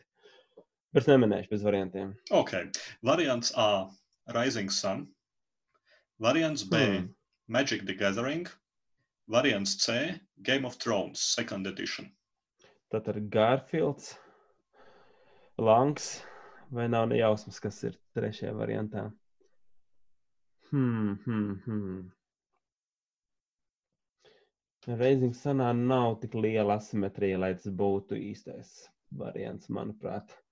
Magic the Gathering, vai tiešām, nu nē, nē, nē, nu nevar būt Garfields no šī tā ietekmējies. Viņš noteikti spēlējis daudz, bet nevarētu būt. Game of Thrones, tu varētu būt tā kā iedomājies to, kad ir uh, kosmikam ir Game of Thrones versija. Savā ziņā, vai ne? Bet uh, diez bāts. Tā langs. Reizīgi sanāk, viņš būtu ietekmējis jau kaut ko citu. Labi, es šaušu tomēr uz Game of Thrones, kas noteikti man nopelnīs trīs punktus, bet, nu, tā Tas tev nopelnīs. Tomēr tas ir Ričards Garfields ar Magic the Gathering. Un es domāju, patiesībā, ka tu saki, ka nevar būt, bet var, jo Magics iznāca 90. sākumā, kā tu tagad labi atcerēsies ilgu laiku, kosmiks bija 77. Jā, gads. jā. Tad nebija daudz spēļu, ko spēlēt. Ja? Iedomājies, cik daudz dizaini ietekmējās no Katanas vai no Monopola, kas mūsdienās joprojām tā izsajā. Tā kā, ja kāds no kāda ietekmējas, es domāju, ka Magicā Garfields noteikti daudz ko ir Mm. paņēmis no kosmika. Nu, īpaši tā dažādība gan jau. Jā, jā, jā. Nu, jā tā varētu Ok, tev ir 9 punkti. E, Es pat Lieliski. teiktu, ka tev šobrīd ir 13 punkti, bet tev ir iespējas četrus no tiem neiegūt. Okay. Nosauc, lūdzu, man četras citplanētiešu rases no Cosmic Encounter. Par katru nosaukto noņemšu vienu punktu. Un man liekas, ka tur ir tik daudz rasu, ka tu vari saukt jebko. Tev ir kaut kāda lista lielā. Es Man ir- ka ir. Man ir liela liste. Uh, parazīts. Jā, ir viens punkts nost. Ok, hmm, bija tas, kas ļāva kopēt tā kā uh, kaut kāda sieva. Ok, teiksim, wife. Wife. Ok, meklēsim. Standarta editionā nav, šī editionā nav, šī nav. Man ir atvērti vairāki editioni. Pagaidām man nav, godīgi sakot, es neesmu drošs. Nē, nu, no tiem, ko es esmu atvēris, mm -hmm. waifu es neatradu. Fantasy flightos varbūt, ka vecajā kosmikā bija, bet to arī esmu spēlējis. Man liekas, tikai Fantasy flight jaunos. Es esmu spēlējis tikai jaunu edišanu. Uh, nu, lai mani linčo pēc tam klausītāji, ka es Kristapam iesmērēju punktu. Wives es, man, nav, man nav ne jausmas, kā viņi saucās. Kāpēc tu Es domā, ka zinu, kas tāds kaut ko kopē, obligāti ir sieva? Jā, jā, jā. Ok. Um, tā, frakcijas, frakcijas, frakcijas, frakcijas. frakcijas. Uh, labi, mēģināsim šaut uz dūlo. Jo es godīgi sakot, es kaut kas esmu kosmikas spēlēs kāds 3-4 reizes. Un Nu, tieši iznāk četras frakcijas. lieliski, vai ne? Frakcijas vienmēr asociējās ar to, kas ir um, viņus, viņus, viņu, viņu spējā. Un iespējams, ka varētu būt spēja uh, frakcijā kopīgēt. Tā, kopīgēts vai kaut kas līdzīgs. Es teiktu, ka es tev varētu iedot punktu, jo es jau atradu klaunu. Izklausās, ka tas varētu būt tāda tipa frakcija. Jā. Jā, vairāk nav. Ok, punkts nost klauna. Es teiktu, ka ir ļoti tuvu izklausās tam, ko, konceptam, ko tu minēji. Un es zinu, ka man būs vēl viens punkts nost, jo es zinu, ka ir frakcija loser. Tas to, gan ir droši. Gan mēs diezgan to pat es atceros, ka ir frakcija loser. Jā, tāpat ir pamatspēlē. Nu, lieliski, Aha. tu dabūji tikai vienu punktu. Wow! Ar ko mēs apsveicam. Jā, tas summā tev jau ir desmit. Tas spēcīgi. Jā. Mm. Okay, labi, labi, pārējām pie nākamās spēles. Bet beidzot mēs... Blackout Hongkong. Ne. Ai, ai, ai, Cik ai. daudz faktus tu zini par Blackout Hongkongu? Tad man ir jāprasa. Vai tu vari nosaukt es... kaut vienu? Ja tu nosauc vienu, es tev noņemšu vienu punktu. Bet okay. labu faktu, labu tādu, ko es saku, tas ir labs fakts. Jā, Es nemēģināšu, es nemēģināšu to darīt, bet vienīgais fakts, ka Lūk. nav neviena diskusija nosaukums. Ok, bet uh, saka, apgādājiet man spēli, kas ir. Uh, es tev iepriecināšu spēli numur divi. Mēs joprojām neesam pie Zemes, un šī spēle ir Terraforming Mars. Ok, tas gan ir milzīgs nosaukums. Jā, smagi. Es domāju, ka šeit visiem būtu jāpārzina šie fakti. Jo, nu, tomēr spēle trešajā vietā, beigā gala un ļoti populāra. Jā, jā. Tātad, jā. spēles dizaineris Jakobs Friksēlijus dizaina procesā, tātad taisot spēli, kādā brīdī secināja, ka lielu daļu no idejām spēlē, kuras viņš uzskatījis par savām, viņš ir aizguvis no.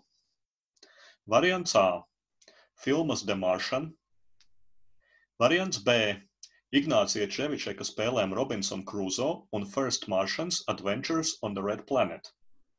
Mm -hmm. Variants C Kima Stanlija Robinsona triloģijas Red Mars. Ok. Mm, es neatceros precīzi, kad uh, Ignācijā otrais maršruts ienāca, bet es izdomāju, ka Frikselijus jau bija jau gana daudz uzdizainējis, lai tas nebūtu no viņa. Uh, ar demonu filmu to marsiet arī nav tik vecs. Ja nemaldos, Terraformings ir 16. gada spēle, vai 18. vai 17. Uh, tāpēc teikšu, tas ir trešais variants. Jā, nu lieliski. Tu nedabūji trīs punktus. Tieši tā. Uh, šīs, tā jā, šīs grāmatas es neesmu lasījis, bet šīs grāmatas esot tieši par terraformēšanu un tās idejām. Ja, kā, tieši kā tas varētu notikt. Un Frikselijus viņam bija daudz ideju, kā tas varētu notikt. Un tad viņš vienā brīdī pārlasījis tās grāmatas un secinājis, ka tās idejas, ko viņš izdomājis, ka tās ir viņējās, ja tās visas nākot no tām grāmatām, ka viņš kādreiz bija lasījis. Ja un, un, un izdomājis, ka tās ir viņa idejas, bez maz vai taisot spēli. Nu, jā, un spēli sāka dizainēt. Viena lieta, kad iznāca, ja, bet nu, tas tev dizaineru darbgalda spēcam būtu jāzina, ja, ka iznākšanas gads jau nav. Tieši tā. Jo spēli sāka dizainēt 11. gadā. Terraforms iznāca 16. gadā. Nu, piecu man, gadu process tas, tas bija. Priecājos, ka zināja gadu. Jā, filma The Martian bija 15. gads. Nu, tātad jau četrus gadus pēc dizaina. Nereāli, tur jau dizains jau bija gatavs. Mm, patiesībā ļoti daudz kas tiek uzskatīts, ka filma The Martian, ka no tā nu, cilvēki domā, ka uzrādās spēles par Marsu vai visu ko. Nu, tā gluži nebija, jo tās spēles bija daudz sāktas, sāktas jau taisīt pirms filmas, vai ne? Jā, varbūt kāds pivotēja tēmu nu, uz Marsu. Pēc Nē, nu bija grāmata, bija grāmata, ok, jā, bet nu, grāmata kļuva populāra vairāk ar filmu, man liekas. Ja. Nu, un Ignācija mm. Adventures on Red Planet First Martians iznāca 17. gadā, respektīvi nu, gadu pēc terraforminga. Tā kā ļoti labi neapblomēties šajā jautājumā. Jā, ok, labi. Tad nākamais jautājums. Terraforming Mars iespējams izspēlēt dažādus notikumus, events, kas negatīvi ietekmē pretiniekus. Ne visi Jā. no tiem, bet daudz ietekmē. Piemēram, milzu asteroīds iznīcina kādam pretiniekam augu rezerves. Ja. Ļoti patīkami kurus no šiem dzīvajiem organismiem nevar ietekmēt pretinieku izspēlētie notikumi. A. Skudras, B. Maidzīvniekus, C. Sēra ēdājas baktērijas. Hmm, man liekas, ka bija tas speciālais simboliņš tām baktērijām. Es neesmu pārliecināts, bet viņš tādā izskatījās. Droši vien, tās varētu būt pie tām. Deduktīvi runājot, diezgan būtu izdomājis, ka trešo variantu sēra ēdāja baktērijas. Tā kā es balsošu par baktērijām, cerams, ka viņš man nopelnīs nulli punktus baktērijas nopelnīja trīs punktus. Sērēdājas baktērijas sulfur eating bacteria. Es patiesībā yeah. nezinu, varbūt es esmu kļūdījies, un sulfur nav sērs. Bet, bet ja tur atrastos kāds cits tieslietu, mainītu viedokli, jā. Patiesībā ir interesanti. Tur ir tā, ka tie ir maidzīvnieki. Jo maidzīvnieku tu dabūsi kartiņas jaunu maidzīvnieku tad, kad tiek uzbūvēta pilsēta. Un pilsētas Marsā bija vairāk vai mazāk zem kupola, kas nozīmē, nu, pilsētām nenotika katastrofas. Maidzīvnieki oh. dzīvo pilsētās, tāpēc viņus nevar ietekmēt visādi tur indīgās gāzes vai vēl kaut kas, ko palaiž. Jā. Tā, tā laikam ir tā loģika. Bet tieši Tāpēc tā ir kartiņa. Netrad nešauba pilsētām. Nu, tad, tad tā būtu tāda katastrofa, drīzāk, ka civilizācija būtu pagalam. Ja? Tā kā jā, nu, tā kartiņa ir pēc, un viņu nevar ietekmēt. No viņas dzīvniekus novākt nevar. Jebkuras baktērijas, jebko citu var tev noravēt un nosviest. Mm -hmm. Piemēram, starp citu, tās pašas skudras no variantā, viņas var e, no jebkura spēlētāja baktērijas stiert pie sevis. Tātad tās pašas sēra ēdājas baktērijas pretinieku skudras var nofenderēt. Mm. Tā kā tā. Labi, trešais jautājums. Spēles dizaina procesā tā piedzīvoja lielas izmaiņas. Gan vizuāli, gan mehānismos. Nu, ko, protams, tu arī labi varētu saprast, ka tā tas jo. notiek dizainā. Kurš no turpmāk minētajiem bija risinājums pirmajā prototipā? Variants A nebija viens centrālais spēles laukums, bet tā vietā katram spēlētājam bija sava karte ar Marsa daļu, kurā viņš varēja būvēt Aha. pilsētas, rakt okeānus, veidot siltumnīcas. Izklausās loģiski. B. Spēlē nebija pieejamas korporācijas, kas nodrošina asimetriju. Tā vietā spēlētāji izmantoja tagadējās beginner corporations, kam visām ir vienādi sākuma nosacījumi. Variants C. Kartiņas, jeb projekti, netika piešķirti spēlētājiem paturēšanai un iegādēji. Nenotika drafts. Tā vietā projektus varēja iegādāties kopējā tirgu, kas atradās uz spēles laukuma. Mm -hmm.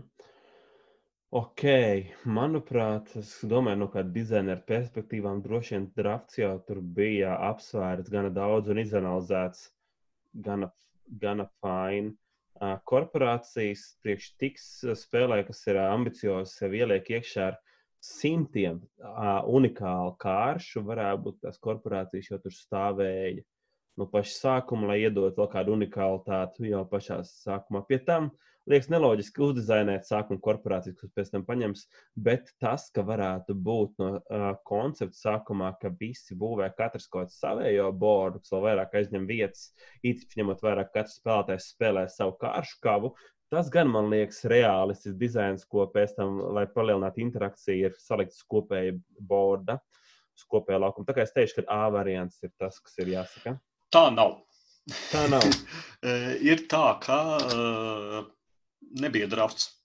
Kartiņas pirka kopējā tirgu mm -hmm. no spēles laukuma. Cik neinteresanti. Tas, jā, rīktīgi neinteresanti. Tas esot bijis, starp citu, pārāk piņķerīgi, jo kartiņas visu laiku mainījās spēlētājiem tās pērkot. Nu, bija daudz uh, grūtāk uzturēt spēli nekā mhm. vienkārši mm -hmm. seraformīgā, ka tev iedod čupu ar kārtīm, katrs pats pēti savas. Jā. Uh, attiecībā uz korporācijām bija, tā kā tu minēji, bija tieši otrādi šīs iesācēju korporācijas tika ieviestas vēlāk, uzsākot beta testēšanu, jo zemākā līmeņa testētājiem bija par sarežģītu spēlēt ar īstajām korporācijām. Yeah. Tā kā jā, tieši tā. Tas būtu par šo te. Tev ir trīs punkti, un tad pats pēdējais. Tu dabū vēl četrus punktus Mir, jau uzreiz. Korporācijas tas esmu norakts. Jā, es tev neprasīšu korporācijas. Aleluja. Es ceru, ka es tev prasīšu vieglāku lietu. Uh, tu vari tikt vaļā no šiem četriem piešķirtajiem punktiem. Tātad Terraforming Mars tiek izmantotas kartiņas, jeb projekti uz kurām var būt dažādas iezīmes, jeb tagi. Nosauc mm -hmm. četrus no tagiem. Ok, šitais nav tik traki. Man liekas, ka viens bija zemeslode. Jā, Earth tag ir tāds, mm -hmm. jā. Aha, nu tagad sākās traki. uh, otrs varētu būt, bija šitie te kaut kāda nature taks, kur tāda zaļa lapa vai kas tam līdzīgs bija virsū. Mm -hmm. Ir tāds, tas ir plāns. Mm -hmm. Un, ja Labi. plāns, tad arī ir uh, faunas taks ar dzīvniekiem. Animal ir. Un, tad ir baktērijas. Un tu esi rīktīgs biologs, nu, mikrobi, bet es teiktu, jā, ir jā, ok. Jā. Es tu, tu noņēmi visus, tu, no, tu nosauci visus, bet faktiski viena tipa tagus. Jo jā. spēlē ir ēku building tagi, kuri, starp citu, ir ļoti svarīgi, jo buildingus var celt par šo te metālu lētāku.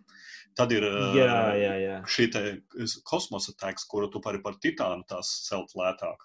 Protams, ka ir zinātnes taks, enerģijas taks, tad ir džoviānis, ir pilsētu tags, un galu galā sarkanajām kartiņām visām ir event tags. Paldies jautājumam par skudrām un par uh, sēra.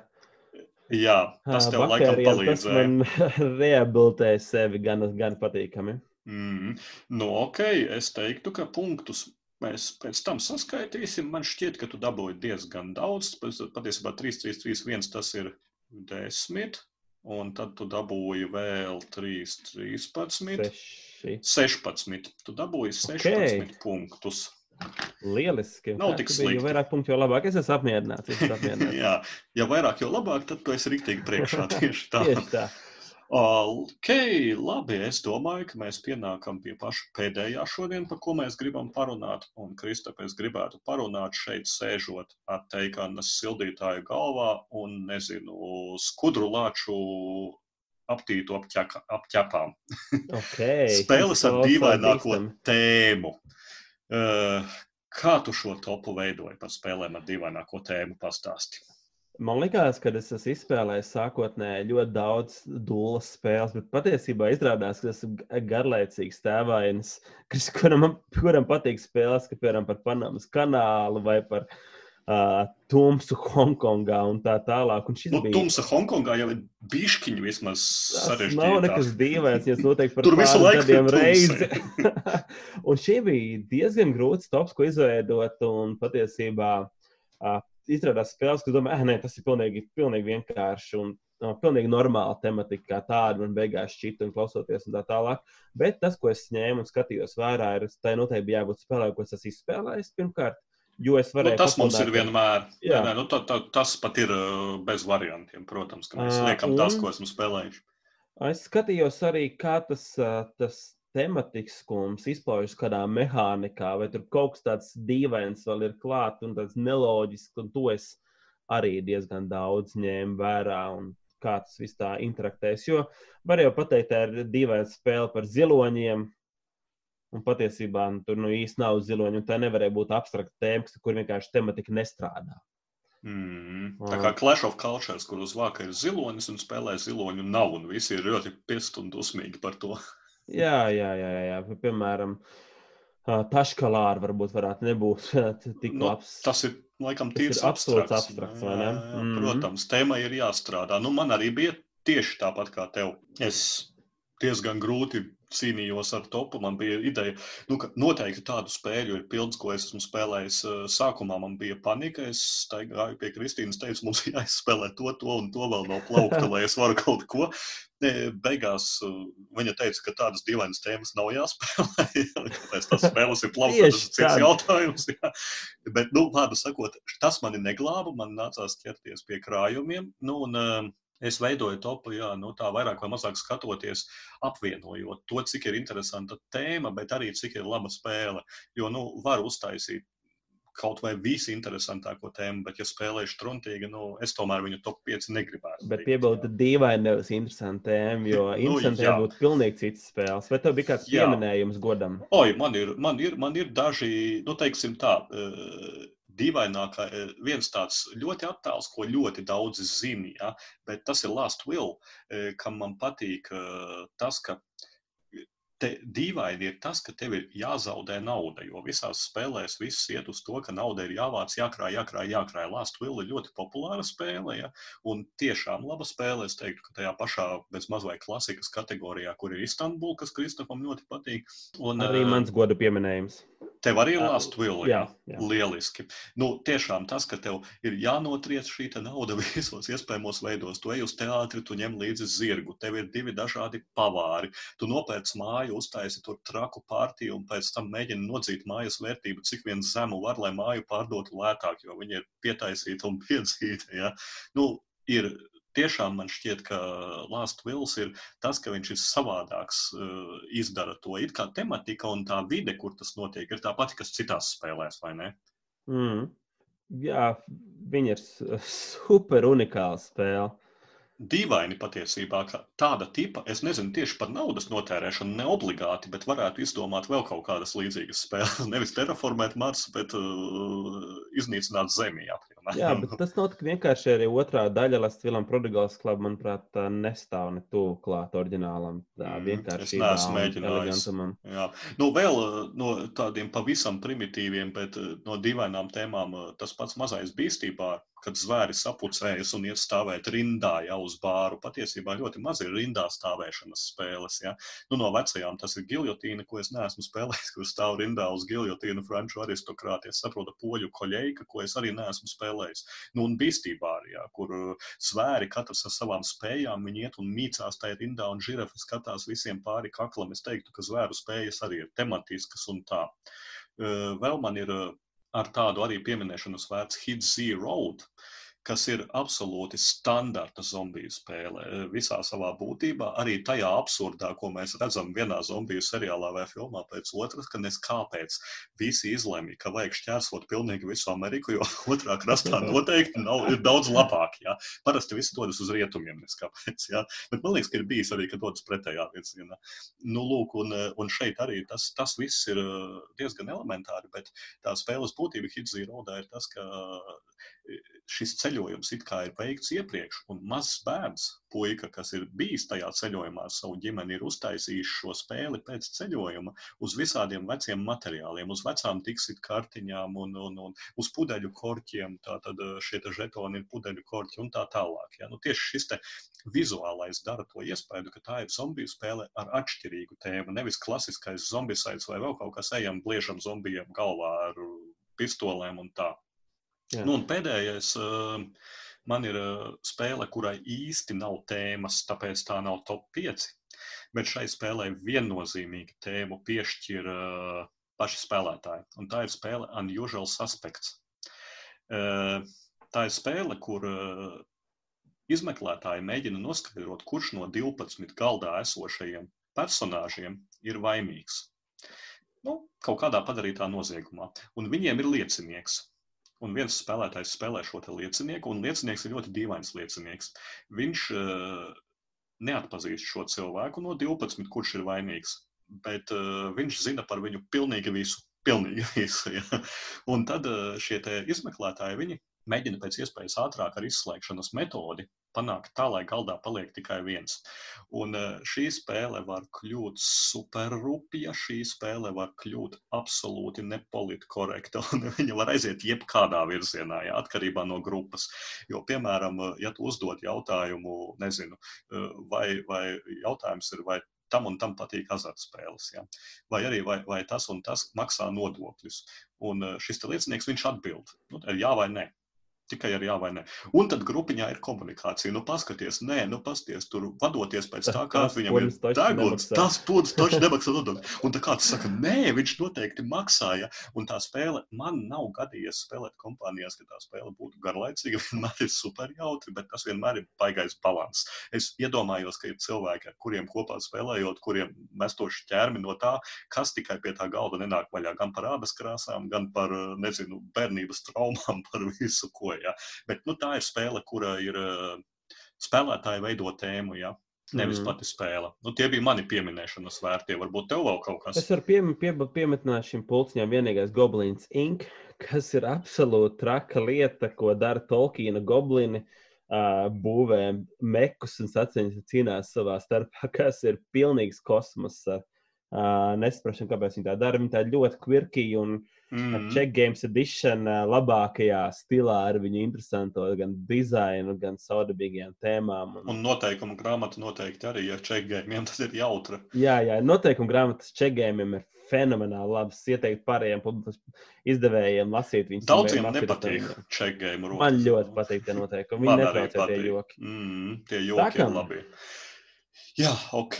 Nu, tā tad man ir piektā vieta, un es iesākšu tā iesildoties ar tādu mazu kāršu spēli, kurai patiesībā tā tēma ir. ā, Viņa ir, kas ir dīvaini, un tā spēle ir Unexpected Treasures. Tā ir Friedmana Frīzes spēle, un, ja tur ir Friedmans Frīze piedalījies, nu, tad es domāju, visiem nepareizs skaidrs. nosaukums. Uh, films, fu, fu, fu. Nē, ir vāciski, tas ir ar fu viennozīmīgi. Nu, lūk, un Unexpected Treasures ir uh, tā tāda paveica spēle, maziņa, uh, kur spēlētāji iet uz izgāstuvi, meklēt uh, mantas. kuras pēc tam kādam nogrūst un, un pārdod. Ir tā, ka galdā ir atvērtas misijas nu, vai prasījumi. Ja? Tur kāds grib divus vecus galdus, vienu vecu krēslu un vienu galda lampu. Ja? Un tādas misijas ir trīs. Un tad ir izgāstuve. Un izgāstuvē ir uh, pilns šo te mantu, visādi veci lūžņi. Uh, un spēlētāji vienlaicīgi, vienlaicīgi izlēma, kā viņi ies uz šo izgāstuvi. Un iet tu vari ar piecām dažādām kartiņām, patiesībā ar sešām. Ja tu ej ar vieninieku, tu ej tikai ar mugursomu. Ja tu ej ar divinieku, tad tu brauc ar riteni, ja tu ej ar trīnieku, tu brauc laikam ar mopēdu, ja tu ej ar četrnieku, tu brauc ar motociklu un ar blakusvāģi, un ja tu ej ar piecinieku, tad tu brauc ar lielo smago mašīnu. Un uh, spēlē ir ļoti elementārs šis mehānisms. Tas, kurš gāja pirmais, nu, ar, ar mazāko, kuram nav jānes daudz, viņš arī pirmais paņems no tās mm -hmm. izgāstuves to mantu. Tad, ja tu aizgāji ar mugursomu, tu dabūsi tieši vienu mantu. Ja tu aizgāji ar riteni, tu dabūsi tieši divas mantas. E, ja tu aizgāji ar smago mašīnu, ar kuru tu varēsi atvest piecas mantas, tad nu, ceri, ka tur būs palikušas mantas pēc tam, kad visi pārējie būs uh, jau paņēmuši. Un ir vēl viens joks. Ja tu sakrīti ar kādu citu spēlētāju, jūs abi nedabūjat neko. Tātad visu laiku šajā spēlē ir doma, ar, ar kā, ar ko iet, ko ies citi, ja, ko kuram vajag. Jo tu skaties kādu komplektu, kurš grib savākt. Ja, tu redzi, ka tas un tas iet uz to komplektu, viņš grib televizoru, leduskapi un galta lampu. Ja. Tad viņš visdrīzāk ies tikai ar mugursomu, jo viņam pietrūkst vēl tikai viens. Uh, Tas nav super tematiski, bet tā, tā, tā ir saka, spēles mehānismu veidošana. Man patīk šis te tematiskais, ka tiešām to jūs izgāstuvi. Un lielisks tematisks elements, ka ir arī nultā kartiņa, kurš ir zaglis. Viņš apzog visus, kuri aizbrauc uz izgāstuvi. Tātad, ja e, zaglis izspēlē nulīti un pārējie ir ļoti rūpīgi plānojuši tā, lai viens ar otru nesadurtos, tad zaglis no katra no viņiem nozog vienu preci viņiem no mājām. Un nojūg visu šis kolekcijas veidošanas princips. E, maza interesanta kolekcijas veidošanas spēle, kuru es noteikti iesaku novērtēt. Ļoti ilgu laiku, starp citu, nu, pirms gadiem, nu jau pieciem vai kad mētājās eh, Ludo veikalā. Tad vēl tas laikam bija pat Ludo veikals Barona ielā pašā priekšpusē. Uh, un, un, un, un neviens viņu nepirka. Ja? Bet, bet tiešām es iesaku pievērst uzmanību vai lietotāju kopijai, vai kam. Ja? Ir, ir tā vērts. Un šī tēma par vandīšanos pa miskasti, nu, es teiktu, nav īpaši populāra citur. Nē, noteikti nē. Uh, es gribu piebilst, ka es neesmu spēlējis, diemžēl, bet es, kamēr meklēju Borgiem, kā, kā viņi izskatās, es uzdevu nosaukumam, spēlēju Unexploded Cow, un es domāju, ka šie arī varētu mierīgi tikt topā. Uh, Uh, Britos ļoti interesanti, Unexpected Treasures. Un Friedmans Frīze ir patiesībā, man liekas, viņš cenšas uzzēnēt dūlas tēmas. Un, mm. Tur nevienmēr veiksmīgi, bet. Uh, nu, hit or miss, jā, viennozīmīgi, bet nu, viņš māk izdomāt dīvainas. Es teiksim, no viņa neesmu spēlējis, bet man ļoti interesē par riebējiem kaimiņiem. Kaut kāda viņam ir spēle, kur tev ir citiem jākaitē kā kaimiņam. Tā kā Jā, viņš vienkārši dizainēs spēles par savu dzīvi. Varbūt. varbūt. okay, okay. Kas ir tavs pieci? Manējais ir ļoti, ļoti populāra spēle, kas man liekas super dīvaina. Un patiesībā man lielākā daļa ir populāras spēles. Un uh, piektajā vietā man ir Isle of Cats. Jā.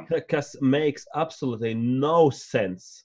Ir sala, kur ir pilns ar kaķiem, Kāpēc? Jau pirmkārt, kāpēc? kāpēc viņi ir zaļi, zili, violeti? Ar okay, ragiem. Labi, ar ragiem un tā tālāk. Labi, pēc tam. Otrais jautājums, mēs viņus glābjam no kā? Un, un, no un, mistiskiem pirātiem. No mistiskiem pirātiem, ko tie pirāti grib darīt ar tiem sasodītiem kaķiem? To neviens nav atbildējis pašā spēlē. Un pēc tam es nesaprotu, kāpēc mēs tos kaķus vienkārši nesabāžam būros kaut kur savu klāju, uz klāja, bet viņi vienkārši ņem un izguļās pa visu manu visu man, kuģa klāju. Es iedomājos, cik tiem jūrniekiem tur ir sasorīgi, grūti pārvietoties. Jūrnieki dzīvo tilpnēs lejā, tikai lejā. Tiks kapteiņi istab, viņam tur jākāp katram kaķim pāri, tur viņus tur grozās, ņemās. Um, liekas, it kā vienkārši tēma, bet viņa ir tik dīvaina, ka uh, absolūti, absolūti noteikti iekļaujas topā ar kaut kādu. Man ir tāda aizsardzība, jā, ka izdevēji vienkārši gribēja palaist populāru Kickstarter un domāja, kas visiem cilvēkiem patīk. Es nezinu, tev patiesībā kā spēļu dizainerim arī nu, topošam vai, vai plus esošam jau pa, pa bišķim, ja, es esmu bieži vien domājis par to, ar ko jāsāk taisīt galda spēle. Izdomājam, kas cilvēkiem patīk, ja, un tad tu sāc domāt. Un pirmais, kas nāk prātā, tur, ka daudziem patīk, o jā, kaķi. Nu, davai, taisīsim spēli ar kaķiem, ja, tas o, jā. nekas, un viss, un vairāk neko nevajag. es šobrīd savā galvā domāju, spēle par zeķu zagli. Ik pa laikam es domāju, ka tas varētu iekļūt šajā topā visā mierā. Underpants gnomes bija Dienvidu par kā tādi, kas zaga apakšbīgs. Tas pirmā Jā. fāze - collect underpants, trešā fāze - profit. Ok, Tom, kāda bomāra spēle ir tavā ceturtajā vietā? Uh, man ir rīktīgi īpatnēji, jā, tad es teiktu, bomāra varētu būt labs variants. Uh, tā ir 2008. gada, es velku uz vecām spēlēm, spēle Red November. Uh, tā ir Bruno Faiduti. Kādreiz tās ļoti populārs dizainers bija, bet Bruno Faiduti ir arī zināms kā hausa meistars, manuprāt. Viņam ļoti daudzās spēlēs notiek visādi brīnumi. Un Red November ir spēle par zemūdeni, kura, nu, pilnīgi acīm redzami ir padomju vai krievu zemūdene domāta. Man šķiet, ka noteikumos nekur nebija teikts, ka tas būtu sovieti. Bet, nu, viss tā ir uztaisīts. Un šo zemūdeni vada gnomi, rūķi vai gnomi, teikts ir gnomijām. Un, tā ir atomzemūdene vēl pie tam un uh, spēlē kooperatīvu spēli, un tajā zemūdenē visu laiku nepārtraukti viss lūst un jūg un brūk un sākas ugunsgrēki un pārplūst un vēl kaut ko. Nu, tik tālu tas ir parasts kooperatīvs, tā kā Flashpoint Fire Rescue vai kas, jā. Nu, ka visi tie gnomi tā kā aptaisījušies skraida no vienas vietas uz otru, mēģina aizbakstīt ciet saurumus. Tā kā darbs visā padomījā viņam. No... Jā, jā, jā. Kas ir joks? Joks ir tāds, ka tie gnomi acīm redzami ir riktīgi šņapdeguņi, arī uz kartiņām viņi ir, un, un, un lielā, un viņi var vākt visādu šo ekipējumu.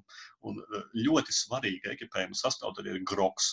Kaut gan patiesībā man liekas, ka spēlē, nu, tie, kas spēli veidoja, viņiem acīm redzot ar šo padomju kultūru bija maz saistības. Viņi paņēma groku, jo tas visvairāk saistās, nu, pirāti, groks, vēl kaut kas, jā.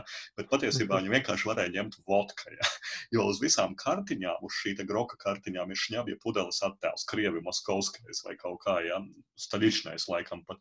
Nu, lūk, un, un tā ideja ir tāda, ka šie te gnomi, viņi nepārtraukti staigā apkārt apdzērušies un turpina dzert, jo Kāpēc lai to darītu? Ja tu dzer groku, jebkurai remontēšanai, tev ir plus 3. Tur ir tik iepēr un, ja un ej remontēt zinām, trubas. Sapēršies, gnomi remontē labāk. Jā, ja tu iedzer groku, tu vari ieiet degošā telpā, citādi tu nevari. Nu, tas arī ir pilnīgi loģiski. Ja? Iemet un saka, tur astag cilvēku jaunais ietēja iekšā. nu, lūk, un tā viņi tur skraida pilnīgā tupelē un mēģina glābt to, ka uh, sāk, uh, tiek pateikts, ka palaidīsies atomraķetes. Ja? Kaut, kur, kaut kur ir ugunsgrēks, tad citā vietā atkal ir plūdi. Un, protams, ka plūdi ir uz grīdas, ugunsgrēks ir uz griestiem. Ja? nu, tā spēlē ir absolūts hauss, bet uh, tā ir. Es atceros to kā diezgan labu dzeršanas spēli. Ja? var, var, var dzert, tad, kad dzer gnomi, var, var vienkārši iedzert šotus pirms katra spēlētāja gājiena, bet katrā gadījumā visiem ir rīktīgi jautri pa to kuģi vandoties un, un, un, un sakot, ka rekur šito gan es varēšu saremontēt, un izrādās, ka es nevaru saremontēt un nolūst kaut kāds priekšgals un tā. Uh, ir jēstra spēle. Es to aizmainīju prom māstrēdā, tā ka kādam Latvijā viņa ir starp citu, es nezinu, kuram. Bet, bet es viennozīmīgi iesaku pa laikam izvilkt ārā uzspēlēt, jo es aizmainīju prom, tāpēc, ka kooperatīvs un kooperatīvi nepārāk iet, un, un, un, un, un tomēr tā tēma ir ļoti dīvaina, ja par tiem apdzērušamies krievu gnomiem. bet, bet šim topam es teiktu vienkārši lieliski, un Faidutī visā košumā savu haosu un, un, un to, ko nu kurš tur var darīt un kāpēc, es teiktu, ka interesants variants. Es varu iedomāties, kā notika šīs spēles dizaina. Uh, brainstorms, uh, kad viņš vienkārši akceptēja visas idejas. Viņam pat nosaukumā ir e-burta vietā trīnieks un o-burta vietā zvaigznīte. Jā, jā, jā. Uh, Red November.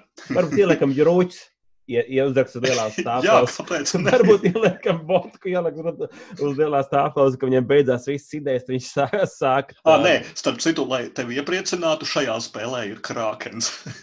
jo, Es jau skatos. Tieši jā. tā, jo, jo, jo ideja ir tāda, ka kaut kādā brīdī, tad, kad tā zemūdens tur lūzdama grimst, un, un tad var uzrasties arī krākens. Bet kas ir interesanti, tādam puskooperatīvam pastāv variants, ka viens gnoms ir nenormāls riebeklis un visus uzmet. Jo, ja kāds gnoms atrod uh, ūdenslīdē tērpu, bet to, ja es pareizi atceros, var redzēt visi, kādi tev ir ekipējuma elementi. Ja? Uh, ja, viņš var jebkurā brīdī no konkrētas zemūdens vietas pacelties uz uh, virsmu, nu, uz virsūdeni. Ja? No tās lūžņa zemūdens. Bet joks ir tāds, ka, ja viņš paceļas, bet pārējie tomēr izglābj zemūdeni, viņš vienīgais zaudē. Tā kā nu, tas, tas ir interesants, tāds puskooperatīvā moments, ka visi mēģina atrast šo ūdenslīdēju tērpu un turēties eh, tuvu lūkai, lai tad, ja zemūdene tomēr nogrimst un ja to neizdodas izglābt, tad varētu hops un uzvarēt kā vienīgie. Jā, neizklausās pēc laba darba, tur noteikti ļoti dārga apdrošināšana. Mm. Okay.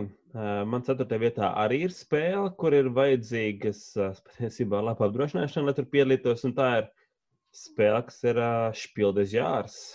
Un tā ir spēle, kas man neliekas loģiski, ka nevienā vietā. Un tas ir kamelaps. Jo, principā, kas tur notiek? Kameļu sacensības, tas būtu ok. Jā, tas To man liekas, ļoti varu- populāri. Es varu Mm. akceptēt, nekad dzīvē neesmu dzirdējis, ka notiek baigās kameļu sacensības kaut kur.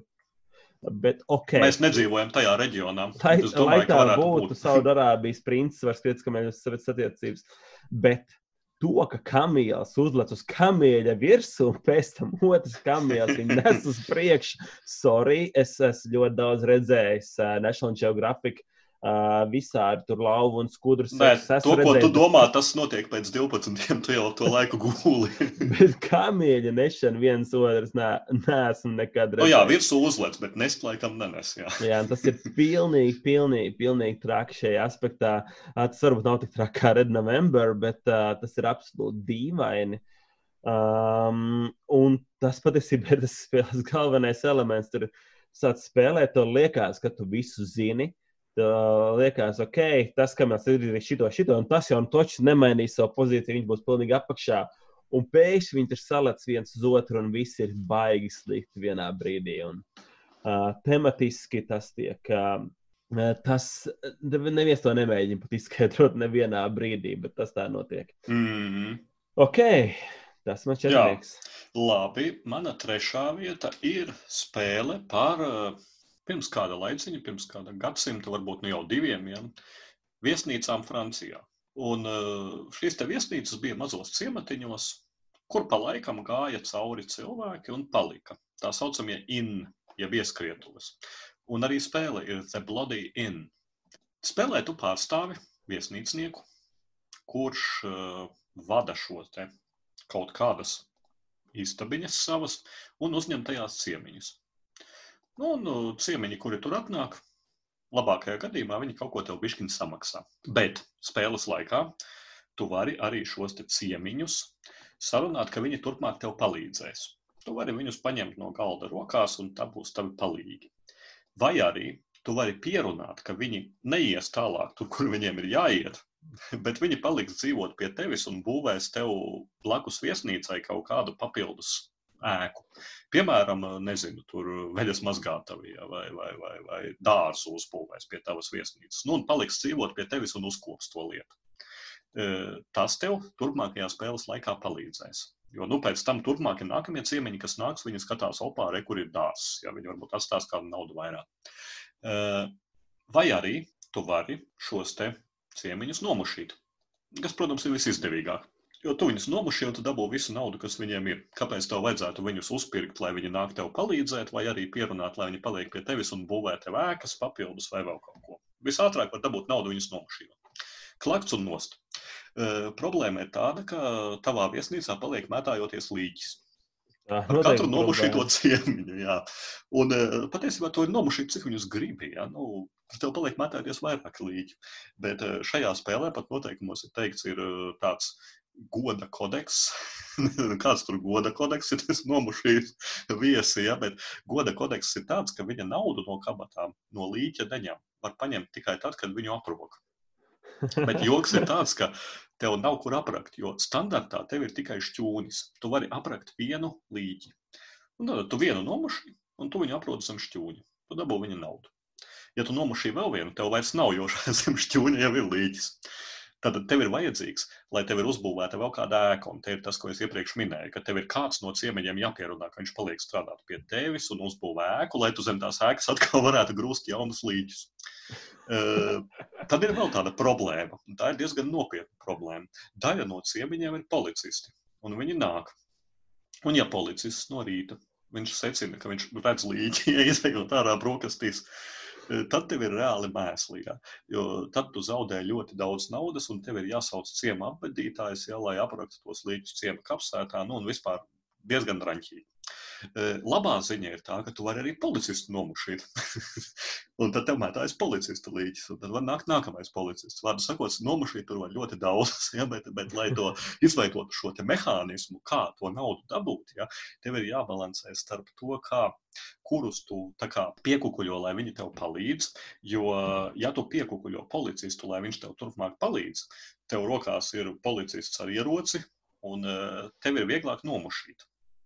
Ja tu piekukuļo būvnieku, lai viņš tev turpmāk palīdz, tev ir vieglāk pierunāt kādu, lai viņš nāk pie tevis būvēt ēku un tā tālāk. Ja, Tādas kartiņas ir tā saucamās multi-use, daudz, daudz, daudz veidu izmantojamās. Ja. Tu vari šos ciemiņus ņemt no savas viesnīcas un izmantot, teiksim, lai viņu nomušītu vai lai viņš būvē ēku, bet maksā to ar tām pašām kartiņām no rokas. Ja, un vari uztaisīt sev atlaides. Uh, Un tā tā spēle notiek divus, divus pilnus gadus, kā, un kurš visveiksmīgāk ir vadījis savu viesnīcu. Pamatā tas viss tomēr balstās uz to, kuram ir izdevies vairāk nomušīt un dabūt naudas no kabatām. Tas arī uzvar spēli. Ja es būtu izspēlējis, viņa noteikti būtu manā topā. Šeit man kādīgi nav Sanicis, nu, viena lieta skaidra, ka es ar Nikolaus Robertu, kas vēl dizainers, es negribētu doties uh, ce ceļojumā pa laukiem. Un... Šai spēlē arī ir ļoti interesants grafiskais noformējums. Tieši šī māksla, viņa, es teiktu, ka piestāv. Man nepatīk, bet piestāv šāda tipa spēlē. Man liekas, super stilīgi. Tie cilvēki, kas tev vada šo viesnīcu, viņi nav sapratuši, kā booking.com vai kaut kas tamlīdzīgs strādā līdzīgi, bet uh, tematika ir super unikāla un mm. ļoti, ļoti, un dīvaina. ļoti dīvaina. Ļoti dīvaina. ok, man nebūs tik brutāla trešā vieta, bet arī diezgan dīvaina tematika, un tā ir spēle, kas ir, ko ir izdevis latviešu izdevējs. Un tā, manuprāt, ir viņa dīvainākā spēle, Brengēns izdotā dīvainākā spēle, kas ir Orklimpiks. Mm. Tā ir spēle, kur nes kāpēc Olimpiskajās spēlēs uh, ir pirmkārt izdomāti jauni sporta veidi, tādi kā deguna kasīšana, vai galdiņa pacelšana, vai arī uh, kaut kāda sēdēšana uz akmeņa. Cīņā ar savu ēnu ir ļoti laba. Jā, un, tas un ir labs. Pēriens pa sauli man patīk, tas ir mans favorits. uh, tur sacenšās šajā divainajā tēmā uh, elfi un uh, orki un arī cilvēku un visādas fantastiskas uh, rases, kas patiesībā ir čūbīgi min, uh, miniatūras, uh, mazie, mazie cilvēki ar lielajām galvām. Ne?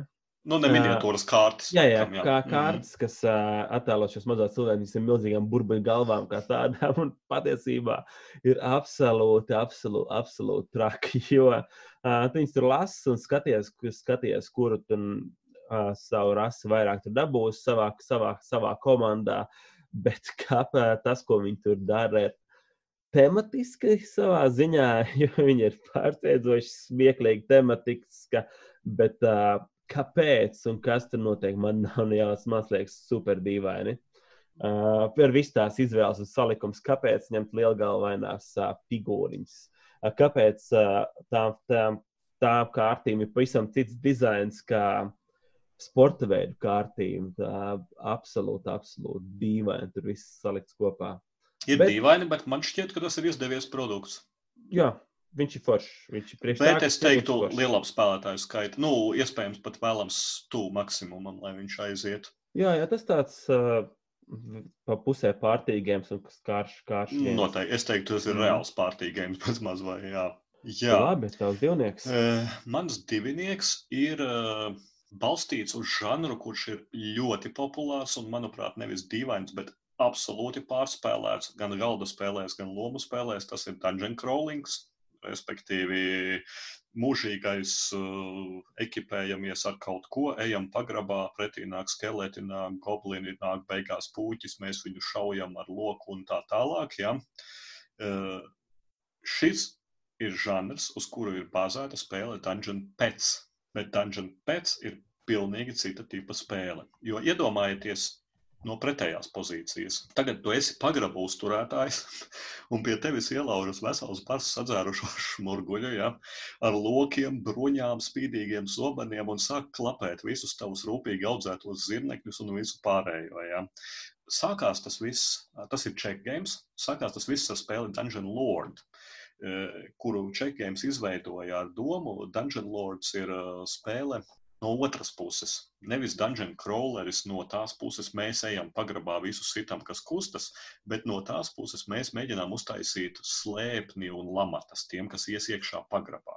Un tad nākamais līmenis jau ir šī dungeon pēc spēle, kurā mēs esam nezinu patiesībā, kas ir impi.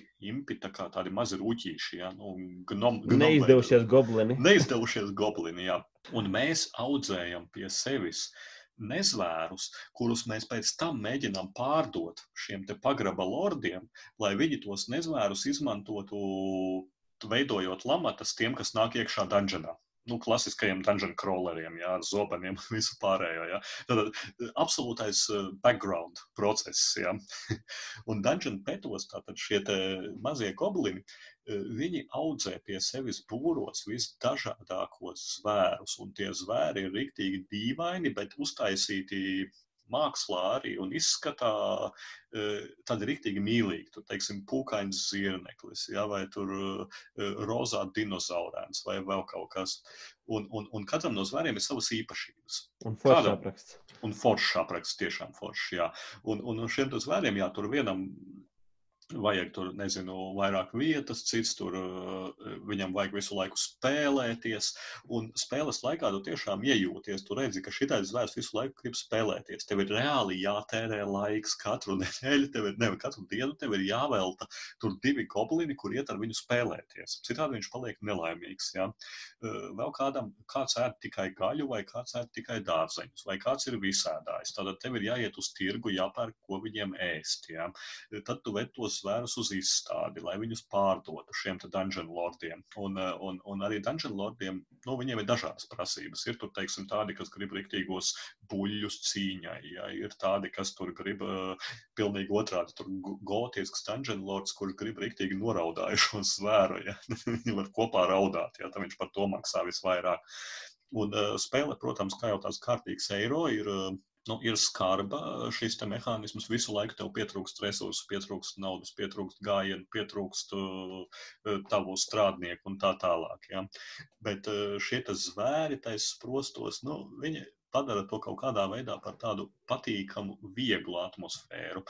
Un, un, un, un, protams, nevar nepieminēt, ka tie zvēri nu, vienkārši ir nu, trausmīgi dirsēji, atvainojos, ja, bet, bet viņi kā, kā nepārtraukti un tie būri ir pārbāzti. Tu vienkārši nevari tikt galā ar tiem mēsliem grozies. Tu vari censties, cik gribi, bet ja tu negribi viņus turēt vispār nēdušus vai ko, tad te tev zvēri sēdēs mēslu čupā. Es nezinu, cik labi ir jāspēlē, lai viņi nesēdētu mēslos. Ja. Bet no otras puses ir dungeon lordi, piemēram, ir dungeon vecais tantuks, tāds uh, prototyps kaķu tantukam. Ja? Es domāju, čehu dizaineri par to labi ierēzas, kad taisīja.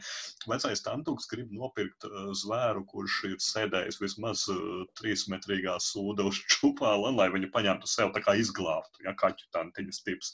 Uh, ir varianti, ir varianti, kā var menedžēt eiroīgi visu to pasākumu tieši kā strateģiskas spēles līmenī, bet tajā pašā laikā saglabājot jautrību par to, ko tu dari.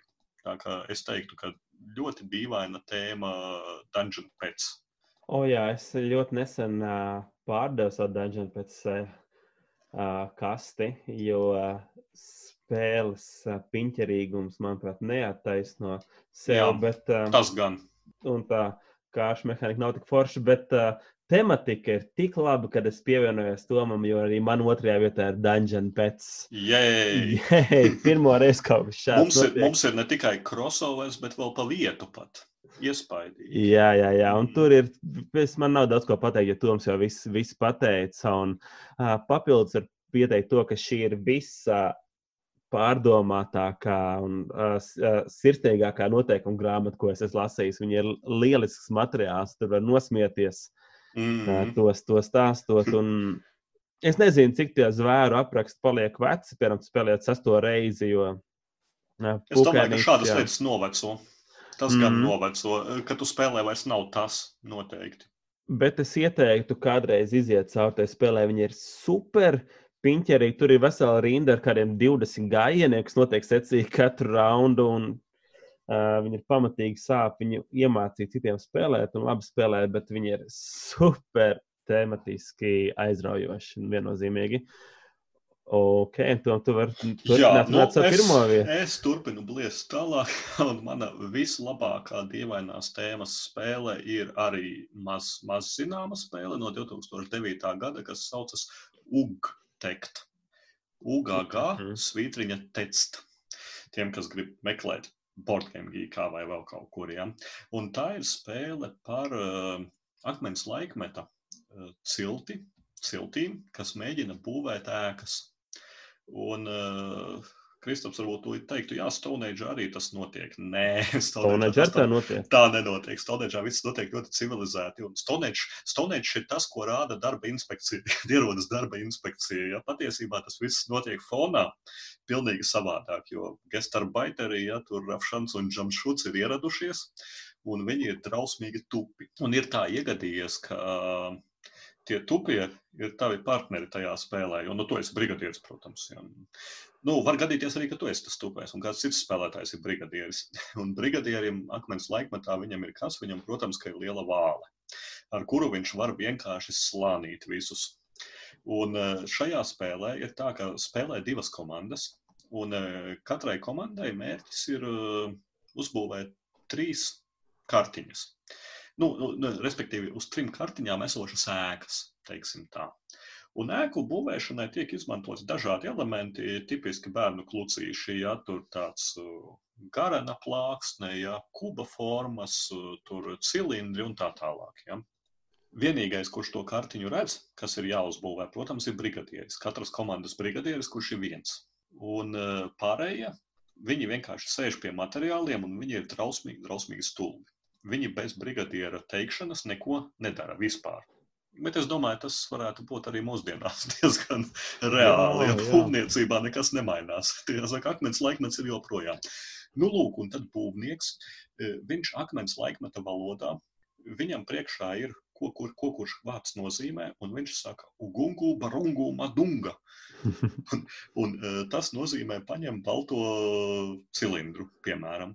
Un viņa šie, tie, visi tie dumiķi, ja viņi sēž buras tāpat savā lapiņā, ja, ko viņš ir teicis. Un, protams, ka es aizmirsu pieminēt, ka tas viss notiek reālā laikā, bet šeit nes kāpēc man tas netraucēja. Spēle ir tik jautra, ka tas ir. Manis pēc tam var būt cik grib reālais laiks. Tas nav nekāds escapes. Jo, ja arī šeit kāds nokļūdās, tad, tad, tad, tad, tad ir iespējas vetēt pa galvu. Nu, lūk, un, un, un tad šie parastie strādnieki, viņi, teiksim, paņem to balto cilindru. Ja viņš ir izdarījis pareizi, brigadieris viņam vienreiz zveļ ar vāli pa galvu. Cool, viss baigi labi, tu izdarīji pareizi. Ja viņš ir izdarījis nepareizi, brigadieris viņam zvetē divreiz ar vāli pa galvu. nu, lūk, un tā tā spēle notiek, ka tiek bļaust, notiek reāla bļaustīšanās, manunga, kahunga, buru. Un, un, un, un, un, un tie tur izmisīgi mēģina strādnieki kaut kā tos šos te būvmateriālus sabīdīt, lai izveidotu ēku, kuras attēlu redz brigadieris, viņš nepārtraukti viņu slāna pa galvu. Ja. Vienreiz par pareizi izdarītu, divreiz par eh, nepareizi izdarītu. Šī vāla ir piepūšama, un, un, un, un, un teiksim tā, nu, ja, ja neaizraujas briesmīgi, tad īpaši just nevar, bet blīšķis ir baigais, tā kā to pa galvu. Nu, ja tā pietiekoši, ja tā nav spēle, ko spēlēt nekādā gadījumā nākamajā dienā pēc pasākuma, ja ir paģēras vai vēl kaut kas, nu, ja liekas, ka muša rāpo pa stiklu un drausmīgi sit ar kājām. Ja? Šis nav īstā spēle. Bet Jā. iepriekšējā vakarā ja šo spēlē, tad nākamā rītā vismaz ir skaidrs, no kā varētu sāpēt galva. Ja. Lieliska spēle patiesībā ar dīvainu, bet, bet, bet rīktīgi foršu tēmu, kura nekad nav likusi vilties, ugtekt. Jā, man liekas, ja tu gribi, lai uh, kādam galdspēļu klubiņā nenotiktu spēles turpmāk tajā vietā, tad droši viņu var paņemt līdzi. Bez šaubām, jā. Tajā vietā mums vairs neviens neņemtu pretī. Bet es noteikti ieteiktu šo spēli ņemt pie visiem tiem cilvēkiem, kas grib iepazīstināt ar jaunām spēlēm savus radiniekus, kuriem nepatīk galda spēles. jā. jā, bet tev viņi ir pieejams, tu varētu uzspēlēt kaut ko. Uh, man nav, bet es varu dabūt. Tas ir, te, tas ir noorganizējams. Okay. Būs jāliek aiz auss. Nākošajā kādā vairāk dienas, dienas spēļu, spēļu pasākumā šis būtu lieliski. À, mums ir, mums ir nobeigusies viena no divām vālēm. Jā, tā ir problēma no lielas daudzīšanas pa galvu. Bet viņu vienkārši ir jāpūš ik pa brīdim. Bet tas ir tai komandai mīnus, kur izlozē to vāli paši vainīgi. Var arī ar pļaukām droši vien spēlēt. es domāju, ka var, jā. ok, ok. Man pirmā vieta ir mazliet nopietnāka spēle ar ja tā var teikt, spēle, par ko mēs esam šodien diezgan daudz runājuši. Un tā ir spēle Magic Maze, kas uh, absolūti makes no sense at all. Uh, patiesībā, jo par ko tur patiesībā ir tēma, ir četri fantāzijas žanra varoņi. Um, rūķis, Tur ir dažādi klases. Jā, jā, likās, tur ir klases. Visi vienādi. Ne? Nē, nē, nē, ir Rogs, ir uh, Mags, ir cienītājs un elfs. Un ko viņi ir spēlē aizmirsuši, viņi ir pazaudējuši savu ekipējumu. Un tas, kas notiek mēs spēles tematikā, ir tāds, ka viņi ir ieradušies lielveikalā un mēģina to lielveikalu aplaupīt. Lielveikals radās tā kā labirints, nenormāls. Un tas ir vispār absolūti trakākais lielveikals, kas var būt, jo tur ir eskalatori visos iespējamos virzienos. tur nav nekāds lo loģikas, kāds notiek. Uh, Un viņiem ir jāplaupa, jāskrien visās malās, kluss un beigās jāatrod katram sava.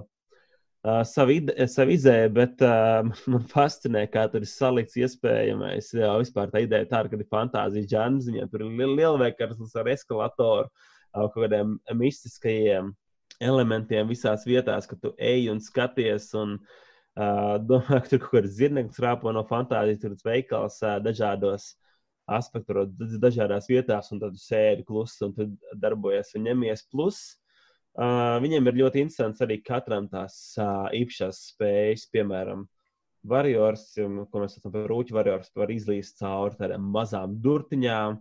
Um, tālāk, uh, Elfs dod tev iespēju papildus runāt, ko ar teleportiski un tā tālāk. Un es kāpēc?